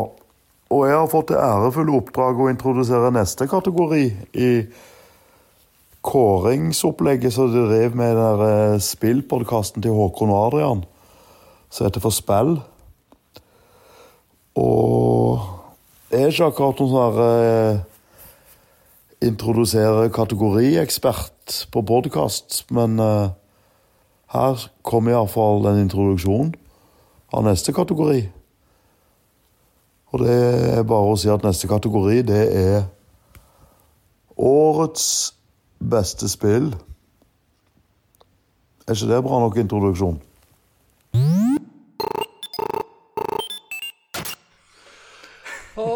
Han heter ikke Jørn Stian Tvedt, han heter faktisk Espen Eckbo.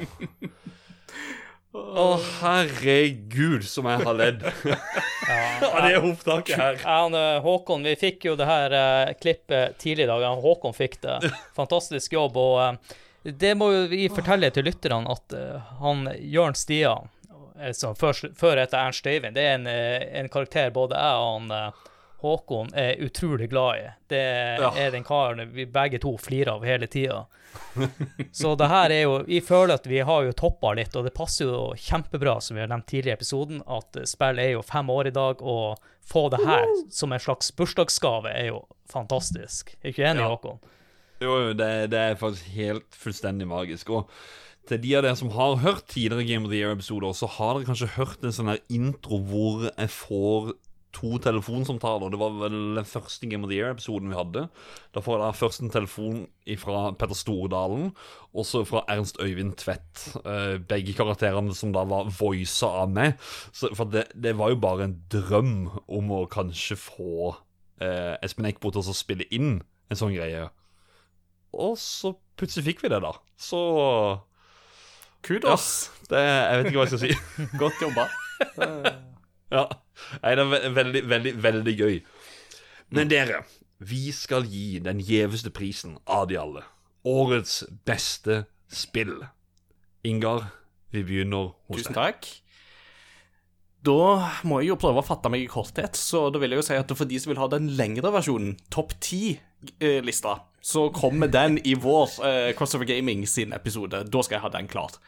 Hvor lang er den, blir den episoden, da, hvis du skal snakke dypt om ti forskjellige spill? Nei, det blir ikke dypt da. Det, vi må fatte oss i korthet da, altså. Det, det må vi, Iallfall når vi skal være fem stykk, så Og dæven. Men eh, det blir gøy. Men eh, vi, vi, vi kjører bare på i de episodene med å tenke at eh, lytterne de har juleferie, så de trenger noe å kose seg med. Så det er noe. Og altså, 2023, igjen, for et spillår. Du kan jo ikke sammenfatte dette i korthet.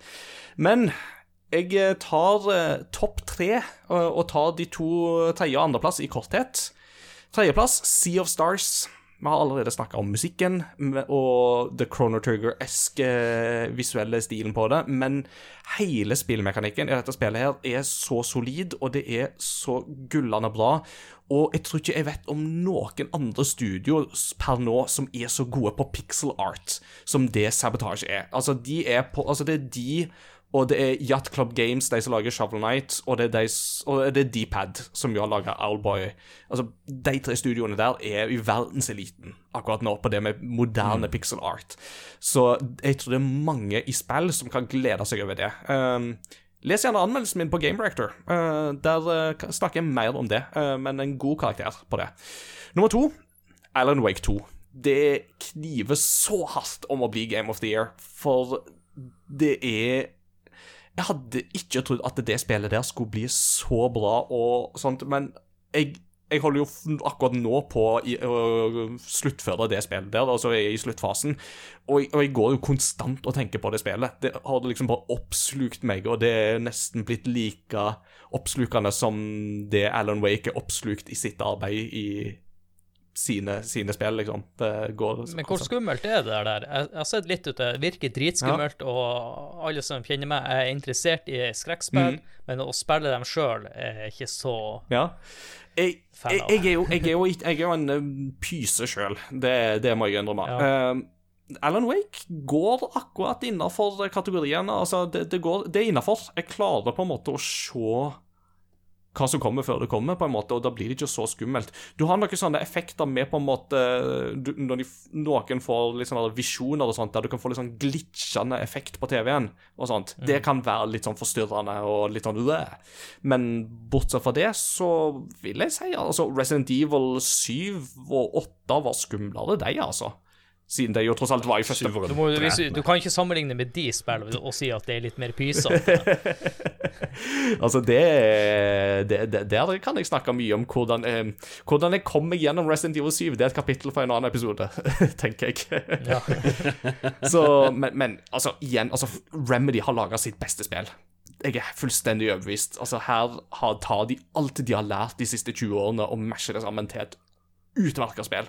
Så dette her må bare fås med seg på en eller annen måte. Om du ikke tør å spille det sjøl, se på en som streamer det, men dette må oppleves. Det forteller kunst på utrolig utsøkt plan, og så teknisk eh, kapabelt. Men årets spill, eh, 2023, det er ingen tvil for meg om at det er The Legend of Zelda, Tears of the Kingdom. Det hadde jeg jo gleden av å anmelde for Game Reactor, og jeg satt med det to uker før lansering og spilte det, og jeg bare satt mens jeg spilte dette, og så kjente jeg at dette spillet kommer til å forandre alt. Dette er spillet som nok en gang vil på en måte være det sånn det aksepunkt i hvordan spilldesign fungerer, hvordan vi tenker om spill, eh, og bare hvor grensesprengende fritt det er. Og vi tenkte jo i forhånd, altså vi så litt lite fra spillet og tenkte ja, men kan dette bli bra? De holder igjen med informasjon. Men igjen, altså, Nintendo bare Du merker så godt at de bare brukte det siste året på polish. Det er knirkefritt, og du, du tenker liksom hvordan kan de overgå Breath of the Wild òg, og så innser du jo når du har spilt Tears of the Kingdom at Breath of the Wild det var bare grunnmuren så de måtte danne for at Tears of the Kingdom skulle kunne reise seg opp så det store monumentet det er. Uh, Kjempekul storytelling, utrolig gode grafiske oppgraderinger, nye evner er kjempebra, Uh, masse å utforske. Uh, vi snakket litt om det i pausen her, men Ganondorf har jo blitt eh, Han har blitt hunk. Og Matt Mercer, kudos for den rollen der.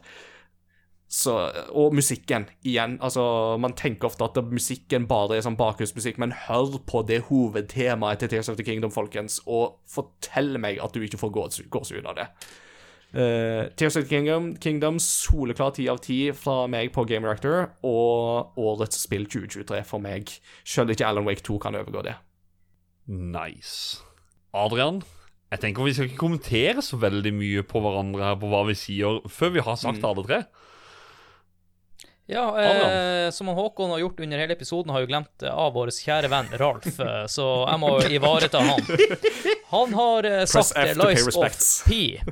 Ja, han har Lies sagt of P. eh, Lies of P, ja. Som eh, Ja, det er et eh, originalt valg og, og kult valg. Mm. Ja, som sagt, jeg har ikke fått spilt spillet, så jeg kan ikke si noe annet enn at jeg har sett eh, litt av starten på spillet. Eh, eh, litt tilbake til det jeg sa tidligere i episoden, har vi sagt før, at det her er kanskje mitt beste spill jeg år eh, sett eh, under ett. Er noen av spill som kommer ut i år som jeg anser som er bedre enn Elden Ring? Det gjør jeg ikke. Eh, nå har jeg nesten ikke spilt Sea of Stars, men jeg vil jo også hive det på en tredjeplass, bare med det lille jeg har spilt. Eh, men jeg, når jeg kommer med kritikk, så betyr det ikke dårlig, men det er sånn småplukk. Eh, det er ikke like med Sea of Stars, det lille jeg har spilt. Det er kanskje hvordan karakterene ser ut. Jeg vet ikke, jeg får bare forvente meg litt mer kronetrykk, litt mer anime-style over karakterene. Jeg liker ikke hvordan de små bildene av personer ser ut. Det er noe øh, feil eller noe europeisk dårlig. Det barne-TV-stil over det. Men eh, nå er jeg jo litt ballsy da, og gir det på en tredjeplass uten å ha spilt ordentlig, men jeg, jeg gleder meg til, eh, til denne jula. Eh, nummer to er på andreplass er det spillet jeg har tenkt i hele år skulle bli mitt Goti. Og så er det jo sånn at når man sitter og spiller et spill eh, og der og da, og, og du er litt hypa opp, så skal du aldri komme med noe sånn her. Her er det beste spillet noensinne har spilt. Det er en livsfarlig å komme med en dom eh, mens du spiller et spill, spesielt i startfasen. Og så er man jo såpass Nå er jo en stund siden jeg klarte spillet, eller en måned siden, kanskje ikke det heller, kanskje bare var noen uker siden. Man får reflektert litt over det arbeidet de har gjort. eh, og spill nummer to for meg er Starfield, og grunnen til det er at jeg er veldig glad i Kanskje en av få som likte Fallout 4 og uh, Skyrim. Det er egentlig de to spillene spilt eh, fra av det siste, som har spilt gjennom hele. Eh, jeg syns ikke Starfield når helt opp til dem. Eh, hvorfor det? Misforstå meg rett, det er et utrolig bra spill når det gjelder andreplass her. Og så, så er det også nevnt at noen sier faen, hva du gjør med gjør med Å, det sto det helt feil. Baldur's Gate 3 og det, hvorfor ikke dem med? Nei, det er fordi jeg ikke har spilt dem. Sorry, Max, så ikke klikk helt her. Eh, vinneren for meg er jo et spill jeg har kjefta huden full i mange timer, og mange inne på Discord holder på å flire seg i hjel over hvor irritert jeg blir over det spillet. Et spill som garantert ikke skulle få Game of the Year, og jeg var jeg, ganske sta. Men så kommer jo det tilbake til jeg har sagt, det her med å reflektere litt over spillet. Og eh, selvfølgelig, det er ikke feilfritt det heller. Han Ingar ga det nå ti av ti. Jeg er ikke helt enig i det. For meg så uh, Zelda eh, Breath of the Wild kanskje en åtte og en halv. Det er ikke en dårlig karakter, det. Og uh, Tears of the Kingdom tok med ting som jeg savna fra Breath of the Wild, og jeg mener kanskje det er en nier for meg. Det, som sagt, jeg savner den gode gamle Zelda. Utrolig bra spill, men uh, bygginga og det limet sammen med superlim, det kan uh, fortsatt ryke og reise for min del. Men eh, årets spill for meg er Zelda Tears of the Kingdom, uten tvil. Nice. Ja, jeg vet jo at du har uh, hata på det. Men, men, ja, men misforstå meg rett. Uh, når jeg er kritisk til noe, så er det småplukk. Det, jeg bare forteller hvorfor ikke det her er ti av ti. Jeg sier ikke Mm. forklare hvorfor det her er én av ti. Ja, for at en topp tre hadde liksom egentlig ikke bygd, da. Men, men jeg kan jo egentlig ta en litt på sparket her. Og jeg er egentlig litt glad for at vi gjør det, for at da, da får jeg faktisk nevnt Final Fantasy 7 her. Yes.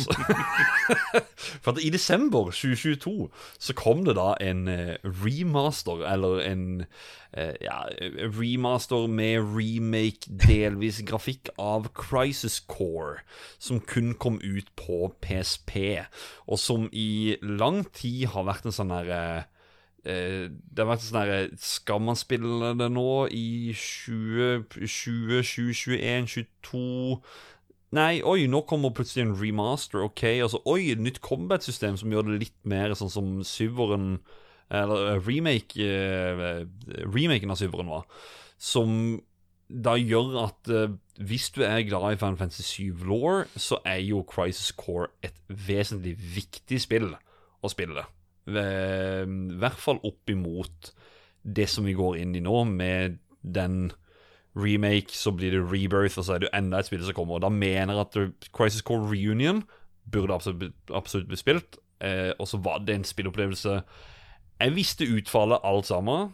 Jeg grein på slutten og bare kjente, vet du hva det, det, Jeg orker ikke den storyen her. Det er, det er altfor mye med den storyen her. Og Gull. til dere lyttere, den Håkon sagt nå, jeg bare faser ut den Final Fantasy 7, fordi at uh, jeg hører så mye om det. Så Vi skal- hva han sa nå gå videre. Jeg er mer interessert nå. Mens, mens jeg bare nikker helt anerkjennende, for jeg mener jo at Crisis Core er den beste delen av Final Fantasy 7-eposet. Å, dæven! Og så går vi videre til andreplassen. Uh, det var et spill som jeg så på en trailer. Jeg streama. Jeg kom hjem fra jobb, var hjemme eh, Hun eh, hadde tatt med Eller altså, fruen hadde tatt med seg guttungen på senteret. Da var far hjemme alene. Det var en Nintendo Direct. Jeg skreik bare Nei! Du ble en forbanna dinosaur i Mario Odyssey, og nå blir du en fuckings elefant! Og tenkte Hva er det de holder på med? Hva er det de skal Hva er det de finner på?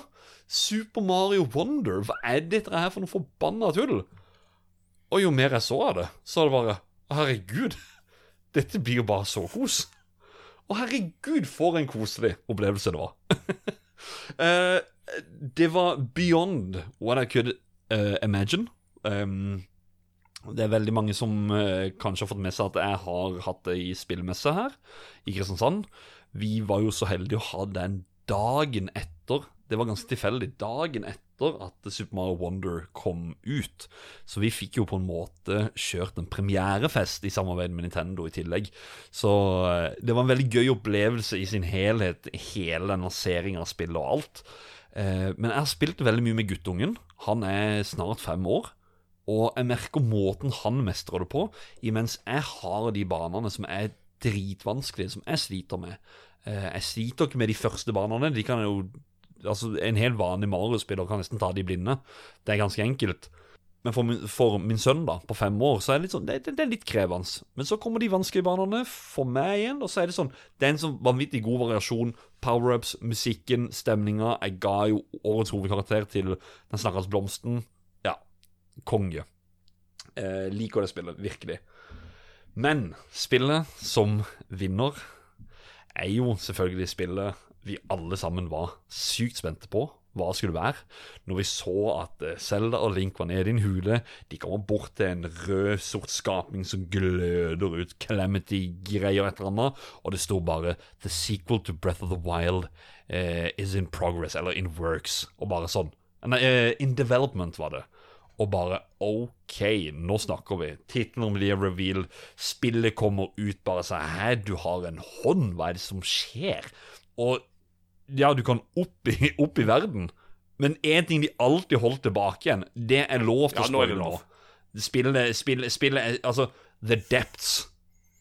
Hva skjer? Sier jeg bare. Hva i all verden skjedde? Jeg tenkte bare Ja, det er et hull. Hei, hopper ned i et hull der. For at du har liksom huler her og der som du kan hoppe ned i. Øh, oi, du bare, du bare daler milevis ned, og så bare Ja. Det, det er verden opp ned, under, i evig mørke, fylt med darkness uh, herfra til månen. Og så, som vi snakka om i pausen her, og som du nevnte i stad, Ingar, Gandorf, storytellinga i spillet mye, mye bedre enn i Breath of the Wild. Her er det jo en faktisk story, og jeg føler at den er veldig mye mer gripende. Eh, ja, jeg felte tårer her òg, for at det er veldig sånn å, Oi, det, dette var sterkt. Eh, og jeg kjente bare det Dette var det Breath of the Wild uh, mangla, og bare Ja, ba- ba- bare peis på. Og så håper jeg at uh, det er en triologi vi snakker om nå. Jeg føler på at det Jeg spiller håper ikke, men eh, den, den diskusjonen skal vi ta en annen gang. Jeg, jeg Nei, føler men, men, nei, men, nei, men, nå, men nå kan vi åpne litt, da. Nå har vi alle tre valgt Zelda, Tears of the Kingdom som Game of the Year. Adrian, det hadde jeg aldri forventa. Nei, men eh, det er jo det som er litt viktig, til å reflektere litt over spillåret og Ja. den opplevelsen du har fått. eh, og den, det spillet har gitt meg eh, mye. Som sagt, det, er, det er småplukk. Jeg, jeg, det småplukket jeg kommer med, er hvorfor det ikke er en ti av ti. Jeg sa kanskje ni av ti, så jeg kan kanskje nesten strekke meg opp til ni og en halv av ti. Men uh, jeg er jo litt uh, old school. Jeg er litt mer glad i den gamle formelen. Jeg skjønner jo folk som liker å leke seg i en åpen verden. Elsker spillere. Og jeg har jo nevnt i GTA-episodene. Jeg er karen som tar oppdrag, gjør oppdraget, får et nytt oppdrag. Jeg, jeg bryr meg ikke om å kjøre en bil opp i skauen og hoppe der. og uh, jeg, jeg føler det du nevnte med Deps og sånne ting, de var nødt til å gjøre det. Hvis de hadde bare gitt det den samme verden og litt flere bygninger, så hadde de ikke klart det. Eh, For min del så synes jeg at de bør ja, ta en annen take på Selda neste gang. Jeg har ikke lyst til at vi skal være i den samme verden igjen. Eh, litt samme opplegget og bli fortalt den samme historien. Det funka i Tears of the Kingdom, men gjør dem enda en gang, da da må du kanskje stille spørsmålstegn til de som lager Selda, at de ikke klarer å komme på noe bedre. Men eh, med, med de ordene så vil jo egentlig jeg ha, lage en eh, Tears of the Kingdom-episode også, kanskje, til neste år. Ja, Nå lover vi- mye, ja, men det blir nok jo ikke alt. Ja, nei, altså, det, det skal sies at det med storyen som eh, Herregud, kan, kan, kan vi spoile noe av spillet? Det, Jeg tror vi skal være litt forsiktig forsiktige på nei, akkurat nei, det egentlig punktet der. Der tror jeg enda jeg skal Ja. holde litt eh, tilbake til en eventuell spoilercast. eh, Ja, ja. Ja, Ja. for, for det, er, det, er, det er punkter ved spillet hvor du kanskje føler at uh, Hei. Eh, altså så, det, det, det gir det alltid mer, på en måte. Det, det, det er det jeg føler det spillet her gjorde så utrolig riktig og utrolig bra. Og så var det så Det var så lekent. eh, den her greia med at du kan attache alt mulig på, på pilene. Det er liksom sånn der eh, eh, ja, det det, det, det er utrolig gøy. Eh, det er kreativt. Du ender opp med å leke deg med det. Det er ikke så gøy når tiåringen her hjemme bare sånn Å ja, se her. Å, å ja, vi kan attache ting. Ja, skyter diamant. Whoopoo! Oi, skyter enda en diamant. Å nei, vi er tom for diamant. Vi går for ruby. Jeg bare jeg, Jeg må selge de for at jeg skal ha rubies. Ikke gjør det, da! ja ja. Kids will be kids. Jeg, jeg tror vi skal uh, hoppe over Zelda-praten til uh, en episode Ja. om det, og spare til Jeg det. vil, jo, jeg vil jo slenge inn at uh, noe av det jeg har likt best av sosiale mediememes i år, har jo vært eh, han som har kledd seg ut som han der karen i Tears of the Kingdom som står med skiltet til eh, Hudson Company. overalt. Eh, Ja, og så har han da stilt seg midt i Akihabara i Tokyo.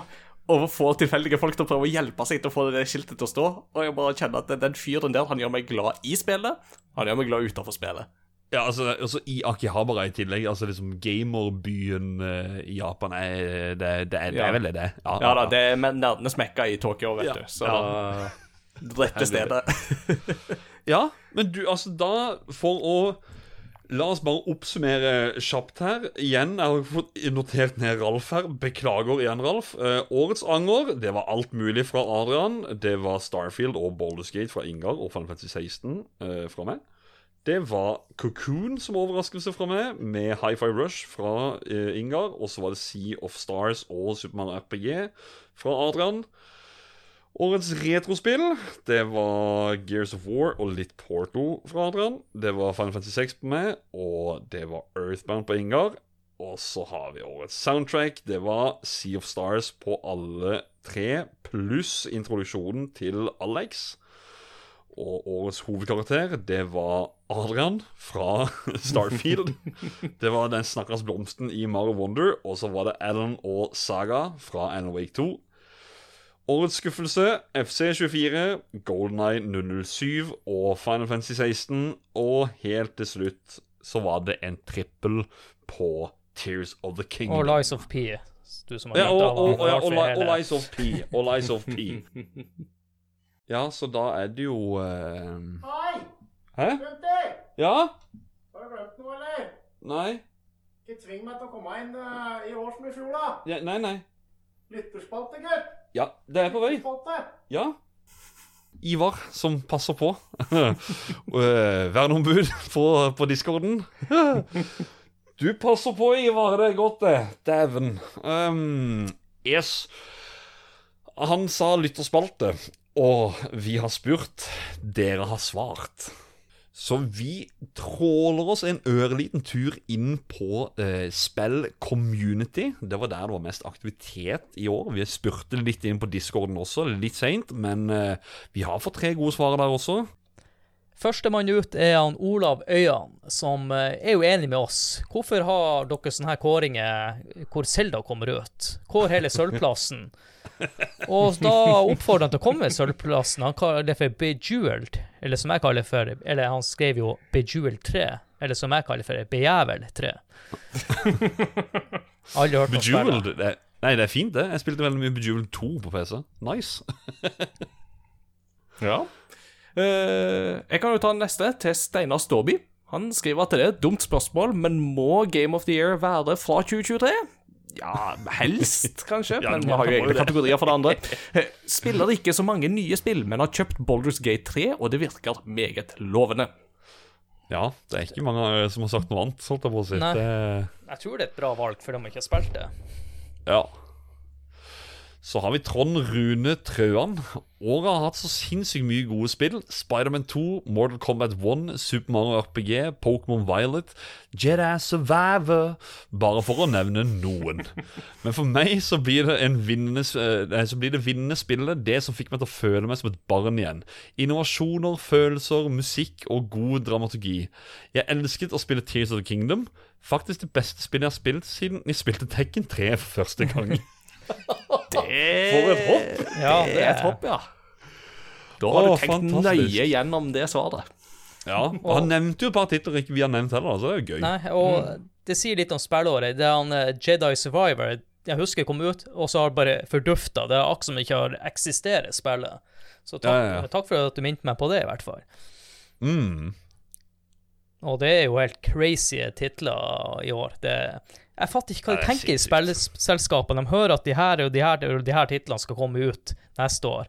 Kanskje de skal gjøre som Zelda Tears, of the Kingdom, og kanskje holde litt igjen og pusse litt på det.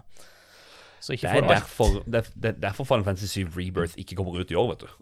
Ja, ja. Det hadde jo vært litt dumt da å gi ut Final Fantasy 16 og det samtidig. Da Så, så alle andre spill må bare unngå 2025, for det kommer GTA 6 uansett og kommer Ja. til å stjele alle prisene for folk. Jesus, Det- altså, det er fuck ja, Vi får se. Jeg har aldri gitt eh, GTA toppkarakter. Okay, Eh, men eh, ja. Neste mann ut er jo min gode kompis Øystein. Han satser på at Baldur's Gate 3 kommer til Xbox før jul. Og hvis det ikke gjør det, så blir det Zelda Tears of the Kingdom, og så hiver han også med mitt og hans favorittspill, en av våre favorittspill, Heroes 3. Ja. Heroes Men 3 det- er Game of the Year alle år. Ja, men det, det kommer ikke ut i år, så det, Men det kunne vært sånn årets retrospill. Faktisk. Ja. Karsten Solheim han er en grepa kar, for han skriver at han har kost seg mest med Sea of Stars i år. Og det er med mange andre som har gjort det òg. Ja, og det er jo fullt forståelig. Mannen elsker jo JRPGs over alt på jord. Så med en gang det er noe som ligner, det høres ut som en spillmusikk, og her får han med begge ting i samme pose, så skjønner han godt Sea of Stars. Ikke dumt. Og det er derfor han også var med på Final Fantasy 6-episoden, blant annet. Ja. Bjørn Kristoffer Strid skal ærlig innrømme at det har blitt mindre gaming i år enn tidligere. Et spill min samboer og jeg har fått uh, tatt oss tid til, er Super Mario Wonder. Helt fantastisk. Vi har ledd så tårene har sprutet til tider, og hatt det utrolig gøy. Ja. Det er egentlig litt sånn Jeg prøvde å definere det i stad. at Det er, det er et sånn herre det, er Mario på syretripp, holdt jeg på å si. Det, er bare, det, er bare, det er bare galskap fra tid til annen. Du Ja. Jeg fikk nesten litt lyst til å synge den Tinicious D med Wonderboy. Bare her er Super Mario Wonderboy. What is the secret of your mushroom? Eh, nå er det jo sånn at eh, jeg personlig er jo ikke så glad i de her hoppespillene, sånn at eh, jeg, jeg liker Mario-spill. Uh, Syns de er interessante, eh, men for min del så er det jo kanskje litt mer i det her eh, Mario 64, den Mario som passer meg best, da. Uh, Nestemann ut er han Kristoffer Gettoboys Hansen. Han skriver nummer én, Selda, Tears of the Kingdom. Uh, Forventningene var skyhøye i forkant, men Nintendo eh, både møtte dem og gikk langt forbi. Helt eh, utrolig hvordan de klarer å overraske hver eneste gang. Ja, vi kan ta oss en diskusjon, eh, som sagt. Uh, spille Men jeg, jeg skal la det være. Eh, siden han uh, eide øyene allerede har nevnt eh, det, så sølvplassen blir kåra. siden det er nevnt at det er sølvplassen som blir kåra, så har han tatt med Dredge. Det er et fiskespill som akkurat passer mengde Cthulhu Cthulhu? og, og Suitcase Management. OK. Jeg har ikke hørt om det spillet, faktisk. Det var et sånn der uh, goth, Cosmic Horror-fiskespill som kom ut sånn rundt februar-mars-ish, Ok. mener jeg å huske. Og som var liksom Før Dave the Diver tok på en måte all oppmerksomheten, så var det vel egentlig Dredge som var den store snakkisen. Yes. Dave Fett. the Holy Diver eh, gjorde at vi alle glemte Dredge. eh, punkt nummer tre er Lies of P. Pinocchio møter Bloodborne. Så nær perfekt klone som det går an å bli. Ja, det er ikke så dumt. Nei. Nei? Eh, Christopher Carlsen han uh, holder seg til Baldur's Gate 3, hands down. Ja, det, jeg, det, jeg har det på angerlista mi. Vi får se. Vi får se. Magnus Eil Sandstad kommer med fire bokstaver. Det er P, det er U, det er B, det er G. PubG, eller PubG.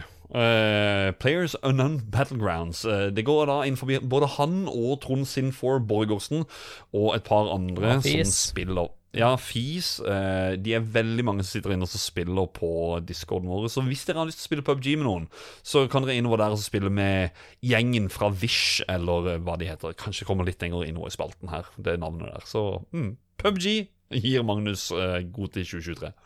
Han Stian Carlsen skriver Megaman 2 Randomizer. Men er, er av nye spill i år, så er det vel Selda som får det meste spillet, tror jeg, ja. Eh, Jeg må bare beklage, Stian. Den dialekta her, eh, det er kanskje litt mot Vestlandet, så eh, unnskyld meg hvis jeg leser feil. Han, han synes i hvert fall det er imponerende. så Jeg gikk litt lei og har hatt en god pause nå. Får kanskje knerta sistebossen til jul.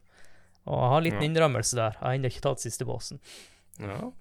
Er det, er, det, er det sånn at det blir ikke jul før siste boss i Zelda er knerta? Litt sånn som at det blir ikke jul før Hans Gruber faller fra Nakatomi Plaza? Ja, eh, da må jeg kanskje gjøre det for jule. Og jeg har jo to uker juleferie, så jeg må jo få gjort det.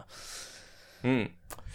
Ståle Baldvinsson skriver kan jo ikke være annet enn Sea of Thieves med The Legend of Monkey Island DLC.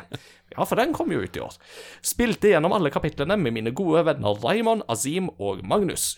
Fytti så gøy vi hadde med alle puzzlene. Og her kommenteres det jo under òg at det må òg vinne kategoriene beste historiefortelling og beste coop, og det Ja, og så går det en diskusjon da om eh, den kategorien eventuelt burde gå til PubG eller Broforce. Magnus drar alltid inn eh, Broforce, og ja, Ståle var jo med oss tre og snakka om GameCube-episoden som var tidligere nevnt, faktisk. Så mm. Eh, Thomas L. Holmedal. Da er det Sea of Thieves eller Farming Simulator. Dere kan velge. Eh, sea of Thieves er jo et gammelt spill, så det kommer ikke ut i år. Men det gjorde Farming Simulator 2024 Eller 2023? Jeg tror det er 24. De er Ja. vel året før? Ja. Ja.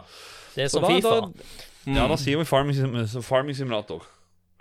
Ja, der du kjøper pakker og alt sammen. Ja, ja. Du har sånn der, er- hvordan traktor, ikke sant. Du får opp eh, gulltraktor, sølvtraktor eller bronsetraktor. Ja. Elite. Ja. Eh, Nei, neste next. mann ut, eh, Stian Mæland. Ekstremt mange spill i år, men Barders Gate 3 har satt resten av bransjen i dårlig lys. Mesterverk. Mm. Ja. Vi får se når Mm. jeg en gang tester det, om du har rett. Ikke sant? Så skulle vi vel eh, hatt den nærmeste jinglen her. Um, Trond Sinfor Borgersen skriver Ja. 'typisk meg' og dum, bum, dum, bum. Typisk meg å aldri bli ferdig med spillene jeg starter på. Men Final Fantasy 16 har vært knallbra i de ti timene jeg har fått til mellom slagene med poker og PubG. Mellom slagene med poker og PubG. Det er lite poker i Final Fantasy 16.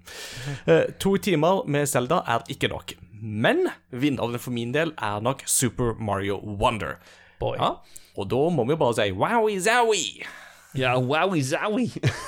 Faktisk en referanse ikke jeg tar. Nei, det er det han sier når han blir om til en, til en elefant. Wowie zowie! Hæ? Hva sa du?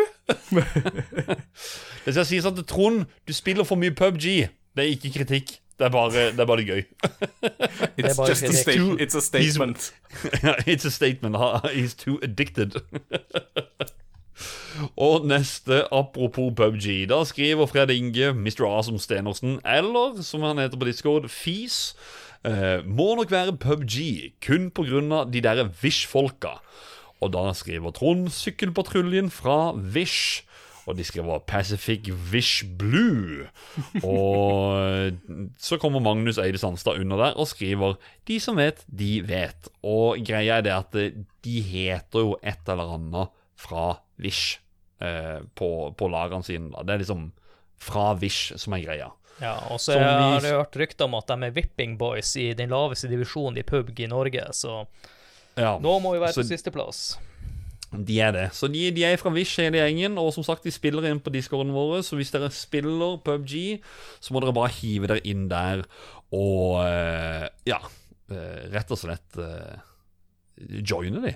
Det vet jeg de bare setter pris på. Og så hopper vi over til discorden her, og førstemann ut er jo vår verneombud, som dere akkurat hørte og minte oss på Ja, han- den her berømte lyttespalten. Han som var her nettopp. Fytti. Ja.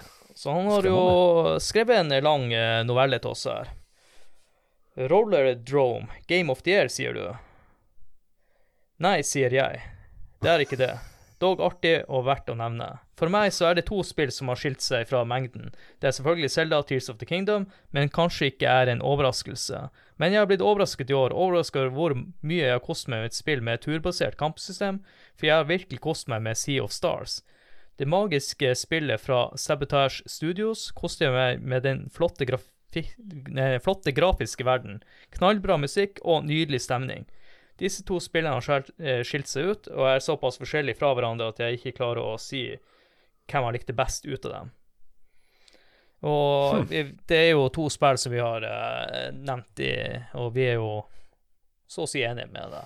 Vi, Mm, kan, vi mener vel kanskje at Tears of Kingdom er hakket opp, da. Så der har du fasit. Mm. Men, men jeg håper bare så inderlig at Sea of Stars får litt oppmerksomhet eh, når Game of the Year skal kåres. For det, det, jeg kjenner at det har liksom blitt litt mitt hjertebarn i år. Fordi at jeg likte det så godt, og så vet jeg at det er enkelte andre som ikke har likt det like godt. Og da er det fort gjort at det faller litt i skyggen. Ikke minst i et så stort spill som det er. Så. Og så har jo han Ingar aksjer i eh, Sabotage Studio, så derfor har han eh, lyst til å fremheve det. Helt klart. Det, you are sabotaging my sabotage project. Nei da, med mine aksjehandlere Aksjehandlere det overlater jeg til politikerne. Det er de som er flinke til sånt. Ja, det Um, ja da. Mølmen han kommer med det kjedelige svaret, skriver han. Men for meg må det bli Baldur's Gate 3. Det er pussig hvordan jeg har blitt satt ned til å lese alle Baldur's Gate 3-svarene nå når det, det jeg ikke har spilt. Uh, visuelt vakkert spill med fantastisk stemmeskuespill, mye humor og uventede vendinger. Har sett et par-tre Let's Plays og streams i tillegg, og har spilt et par karakterer. Og det er så mye av gjennomspillingen som endrer seg hver gang, at det blir nesten som en ny gjennomspilling. Takk for meg. Jo, vær så god, bare hyggelig. Ja, og vi får se, Mølmen, om eh, vi klarer å kaste oss på det. At det ikke kommer noen andre distraksjoner i mellomtida. Etter at jeg har hørt hvor lang tid det tar å gå gjennom det spillet, så kan jeg allerede si at jeg kommer aldri til å spille det. Men jeg kommer til å skjønne hvorfor det er bra. Men det er Jeg kommer aldri til å få tid til å spille det, rett og slett. Men jeg vet at jeg går glipp av noe. Eh, Så er det neste. Punti, Last Chance. Nei, det er bare kødda. Det var jeg som skrev det. At det, nå er det siste sjanse før vi hiver oss i gang her. Så det hiv dere på hvis dere har lyst til å skrive inn. Og da var det to stykk som var på her, og den ene av de er Gelpool, som for øvrig eh, Da er det i seneste laget eh, for å delta på det. Men han arrangerer Secret Santa inne på discorden vår. Så hvis, dere er, hvis ikke det er for seint, eh, og dere hører episoden, stikk inn på kanalen, stikk inn på kanalen Secret Santa 2023, og sjekk ut eh, informasjonen der for å delta i dette. Men Gelpool skriver Hogwarts Legacy, et visuelt pent spill med veldig god story. Rett og slett ganske magisk å kunne eh, oppleve verden jeg leste om når jeg vokste opp. Mm. Men da er mitt spørsmål, Hogwarts Legacy, kom ikke det ut i fjor, eller Nei. kom det ut i fjor Nei, det, var, det var februar. Eh, Herregud. Det kom i februar på PC og de nyeste konsollene, og så kom det litt seinere, type april-mai eller noe sånt, på PS4 og Xbox One, og så fikk du Switch-versjonen nå i november. Det var den alle venta på. Ja, det var den alle venta på. Ja, Man kan le litt av det, og den kjører jo ikke sånn veldig optimalt, og sånn, men jeg har jo sjøl enkelte i nevøer og nieser og sånt som er jo eh, er like glad i Harry- Potter som meg, kanskje til og med enda mer. Og for deg så er Switch det eneste alternativet. Og Ja. for deg så har det vært mer enn godt nok. Så Mm. skal ikke kimse av det, altså. Selv om eh, Nei. de av oss som har mulighetene, bør absolutt gå for en eh, PS5 eller Series eh, X-versjon. Og Harry Potter-universet er jo et univers jeg aldri har uh, satt meg inn i, og, og det er litt morsomt da, med tanke på at min far heter Harry. Uh, siste mann ut her er jo Terje. Uh, jeg har jo litt sans for Terje, og jeg skal lese opp med Terje-dialekter igjen. Nei! Nei! Nei da, jeg skal ikke det. MSX-eksperten vår Terje, Ja. som han har blitt dypt om til i år. Så blir jo sagt til alle podkaster, hvis du skal- snakke om MSX, så hører man Terje, og folk tror at jeg kødder når jeg sier det. Jeg mener det faktisk. Jeg, gjør det. glad i Terje. Ja, i Terje. Skriver har egentlig bare spilt Starfield, eh, som var, var nytt fra i år, da. Eh, for dere som er inne på discorden, så vet dere at han Terje er jo litt mer glad i Amiga, og kanskje bare Amiga, og litt Commodore 64. Og litt mer Amiga. Eh, han, han mener at spillet er helt OK eh, tidtrøyt, men nekter å kalle det noe Goti. Da har det vært et trist år. Så eh, ja. Ja, men, Ja, det, han, eh, men det er lov. Det er ja, lov. han Terje har diskutert ganske mye, det her eh, Starfield. eh, Så eh, ja, det får vi ta Ja. en annen gang. Ja, nei, altså Om at det har vært et trist år, Terje Du vet jo at det har jo ikke vært det. Går ikke an. Jeg er jo litt enig. Går det går ikke an. Nei. Og hvis du mener, så er du 20 permbandet fra discorden.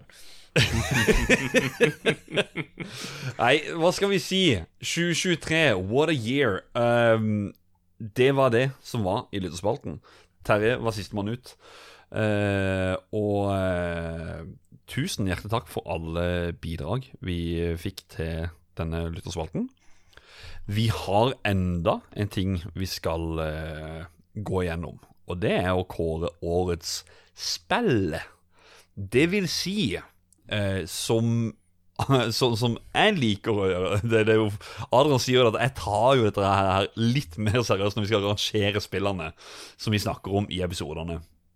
Og grunnen til det er jo denne lista her. Det er å Basert på scores som vi har gitt til spillerne, som er grafikk, lyd, holdbarhet, underholdning og kontroll. Ja, spillkontroll. Men jeg har lyst til å si en Ja. annen ting også. Mm. Det er at denne her kåringa her, det er jo noe som starta litt på, på gøy, og har jo blitt litt mer seriøs, men det er jo en hyllest og, og sånn nostalgisk forhold til hvordan de rata spill før i tida. Og så er jo Mm. folk som har lyst til å diskutere med oss. Ja, jeg er ikke helt enig i måten spill gjør det på. Og det, eh, for å si det sånn, vi ville kanskje ikke gjort det på den måten, men det er viktig å ta vare på den gamle spillkulturen når spill fortsatt var litt nytt. Og Ja. du hadde spillanmeldere som kanskje ikke alle var like spillinteressert og hadde en måte å gjøre det på. Så eh, ta nå ikke det her eh, for blodig seriøst. Men det som er interessant, det er at mange av scorene i dag er ganske nært Metacritic scores som du finner på, på nettet. Det er jeg ganske Ja. sikker på, og det er litt sjokkerende med tanke på den eh, skalaen vi bruker. Og likevel klarer vi å havne rundt der kritikerne back in the days havna på det samme spillet. Det skal sies at jeg syns det er én ting som er gøy å dra frem. Det er at eh, eh, Oblivion eh, blir jo mer eller mindre slakta i forhold til Ducktales på NES. Det sier liksom litt sånn der og hvor, og det brede spekteret på åssen når, Ja. når vi rangerer spillerne. Men for å unnskylde Oblivion, så ble det jo det er jo kanskje episode fire av spill, så da hadde man ikke helt satt seg inn i det kåringssystemet. Nei. Work in progress. Yes. Men jeg tenker da at vi skal gå gjennom lista her nå. Vi begynner på bunnen. 6,8 av 10 mulige totalt i snittscore. Duke Nukem 3D. Nest siste plass, 7,15. Det er Among us. Det var jeg litt sånn sjokkert over. Jeg tenkte Det var kanskje sånn Det ville nikke opp på niåren med tanke på underholdninga det har gitt til alt sammen. 7,69. Da er det Bioshock, det første. Så har vi med 8,29. Da er det Banjo Kazooie. Vi har 8,6. Da er det Gears of War. Og så var det 8,76. Der var det Max Payne. Nå er vi inne på topp fem, og vi hopper oppå til nitallet med 9,46. Da er det det første Portal-spillet. Og så på fjerdeplass har vi med 9,63. Da er det første spillet som vi snakka i 2023 om, med, med Adrian og Rasmus. Det var Super Mario Galaxy. På tredjeplass 9,7. Spillet er nevnt her i denne kåringa som årets retrospill for meg. Final Fantasy 6. Og nå går vi opp på 9,92. Det er Resident Evil 4. Med 0,01 poeng høyere. Altså 9,93 istedenfor 92. Der er det Donkey Kong Country 2! Woo! Jeg syns det er litt gøy å se på den der eh, forskjellen det er på disse spillene her. Altså Gears of War, som er dritbra actionspill. Men, men greia det er at eh, Gears of War har ikke tålt tidens stand på samme måte, fordi at eh, det, det gameplayet som kom ut av, var unikt. Men det, Mm. det har det blitt spilt i hjel i ettertid, så når man spiller Ja. det nå, så gir det ikke samme feelingen som f.eks. Donkey Kong 2, som føles ut som et spill som kunne vært nytt den dag i dag. Mm. Det er jo morsomt uh, i dette her med Resident Evil 4, for det er jo en, et spill som jo har satt sitt preg på 20-23 år. Og, og, men, men det var jo ingen som nevnte det i noen av sine kategorier, og det syns jeg har vært veldig interessant når jo The Game Awards har jo nominert det som et av Ja. seks spill i årets spill-kategorien. Som jo har vært eh, litt sånn diskusjonstema. Eh, men, eh, ja, det- Jeg finner jo de her remakene som er litt sånn vanskelige og Er det virkelig et nytt spill eller ikke? Men egentlig så er det jo et nytt spill, for det er en remake av et gammelt spill. Så det, Mm. er, det er litt vanskelig det der. Og jeg, jeg tror kanskje også mange ikke har tenkt på Resident Evil 4 remake som et nytt spill som kom ut i år. Jeg skal si at jeg hadde notert ned for å plassere det inn på en eller annen kategori her, men eh, jeg har faktisk ikke funnet plass til det. Mm. Så Men eh, ja. Kunne kanskje hatt det som honorable mention på årets hovedkarakter eller et eller annet, for at eh, det, det er ganske mye awesomeness i det spillet. Oi, oi, oi. jeg har kost meg stort, og har jo til og med introdusert min uh, podkastmakker Peter for eh, Resident Evil 4, som ble hans første opplevelse med serien, og han digger det. Så det er veldig bra. Ja. Nei, som sagt, igjen, det er spillåret er overgått alt, nesten. Det er sånn, du, Ja. det, det er Du bare hører folk i lyttespalten her nevne spill, og ja, faen, det har vi glemt av, og det har vi glemt av. Å ja, det kom ut, ja. Så jeg tror det er den røde tråden i denne episoden, at eh, mange av spillene som kom ut i år, ville kanskje i et annet år blitt Game of the Year. Mm. Ja, og det er egentlig mange andre spill vi kunne liksom ha lagt inn på disse kategoriene Og hvis det virkelig hadde bare gått fullt inn for at ok, vi skal bare ha flere spill inn under disse kategoriene, så hadde det vært mer enn nok. Men eh, altså, vi må jo se på timeschedule også, vi kan ikke sitte her for alltid. Natta kommer, og vi skal på jobb dagen etter og alt sammen, så det Men vi har en, eh, som tidligere nevnt, en hel rekke folk vi er nødt til å takke. Og eh, det, det er gjestene som vi har hatt i denne podkasten gjennom året. Så, eh, og det, det, er, det er en god bunke folk, dette her. Så eh, jeg tenker bare jeg begynner med Rasmus Espseth, Jon Eilif Pool, Ivar Golden Moilobben, Ketil Espenes, Dag Thomas Olsen, Christer Runde, Ida Doris Joint, Filipe Maurizio Fløgstad, David Prokop, Simen Dørum, Daniel Hedblom, Aymar André Bergan, Lars Rikard Olsen, Terje Høybakk, Kjell Gunnar Høen, Ståle Balvinsson. Bjørn Magnus Midthaug, Andreas Bjørkhaug, Erik André Mammen, Celine Selda Martinsen, Ralf William Numelin, Karsten Solheim, Thomas Jørgensen, Are Næss Fløgstad, Trygve Solid, Joakim Froholt, Jonas Alsaker Vikan, Ole Markus Wergeland Mathisen, Jørgen Jacobsen, Alexander Espeseth, Steffen Lund, Erik Fossum, Espen Eckbo, og helt til slutt dagens gjest, og gjest fra GameCube-episoden, han Ingar Takanabu Hauge. Woohoo! The Ingar. Og eh, med at du fikk navnet ditt helt på slutten her nå, Ingar, så, eh, så ja, Altså, vi har jo alltid det at gjestene skal få til å plugge det de ønsker å, å måtte si, og, og fortelle hvor de kan finne hva, høre, se hvem, hva, hvor. Eh, du er jo både skribent hos Game Reactor, du driver egen podkast. Altså, fortell. Hvor kan folk høre og se mer av Ingar? Jo, takk. eh, Først og fremst takk for at jeg fikk lov å være med på dette her. Det er jo kjempeartig å få comeback tilbake. Eh, Og for de som ikke har blitt forvirra av Norges mest dialektforvirra spilleanmelder, dvs. Si meg, så er det mulig å lese det jeg skriver for Game Reactor på gamereactor.no. Ikke på Eh, nynorsk. Ikke på nynorsk, nei. Det er interessant nok. Jeg kunne ha prøvd meg. Men, eh, ja, men, men eh, på Game Reactor så kan du jo annet lese min kommentar om dette med språklige forskjeller i Final Fantasy 16. Så for de som vil ha litt mer dypdykk i det, så uh, har vi en kommentar der. Eh, ellers så er det jo Crossover Gaming som er podkasten som jeg leder og driver sammen med Peter, Jon Edvard, Mats Jakob og litt grann Christian eh, begynner å komme tilbake igjen òg, så det er jo litt spennende. Og den hører du der du hører podkaster, og du kan òg sjekke ut crossovergaming.no. Der finner du òg lenker til vår Facebook-side, vår Discord-server og noen anmeldelser som blir skrevet, som blant annet Final Fantasy 16 eh, kan jeg jo plugge igjen der. Og snart så kommer Alan Wake 2-anmeldelse, så det er bare å sjekke det ut hvis dere syns det er interessant. Herlig, herlig, herlig. Og da gjenstår det egentlig bare vår egen plugging. Adrian, vil du ta deg av den, eller skal jeg ta den? Jeg kan prøve meg.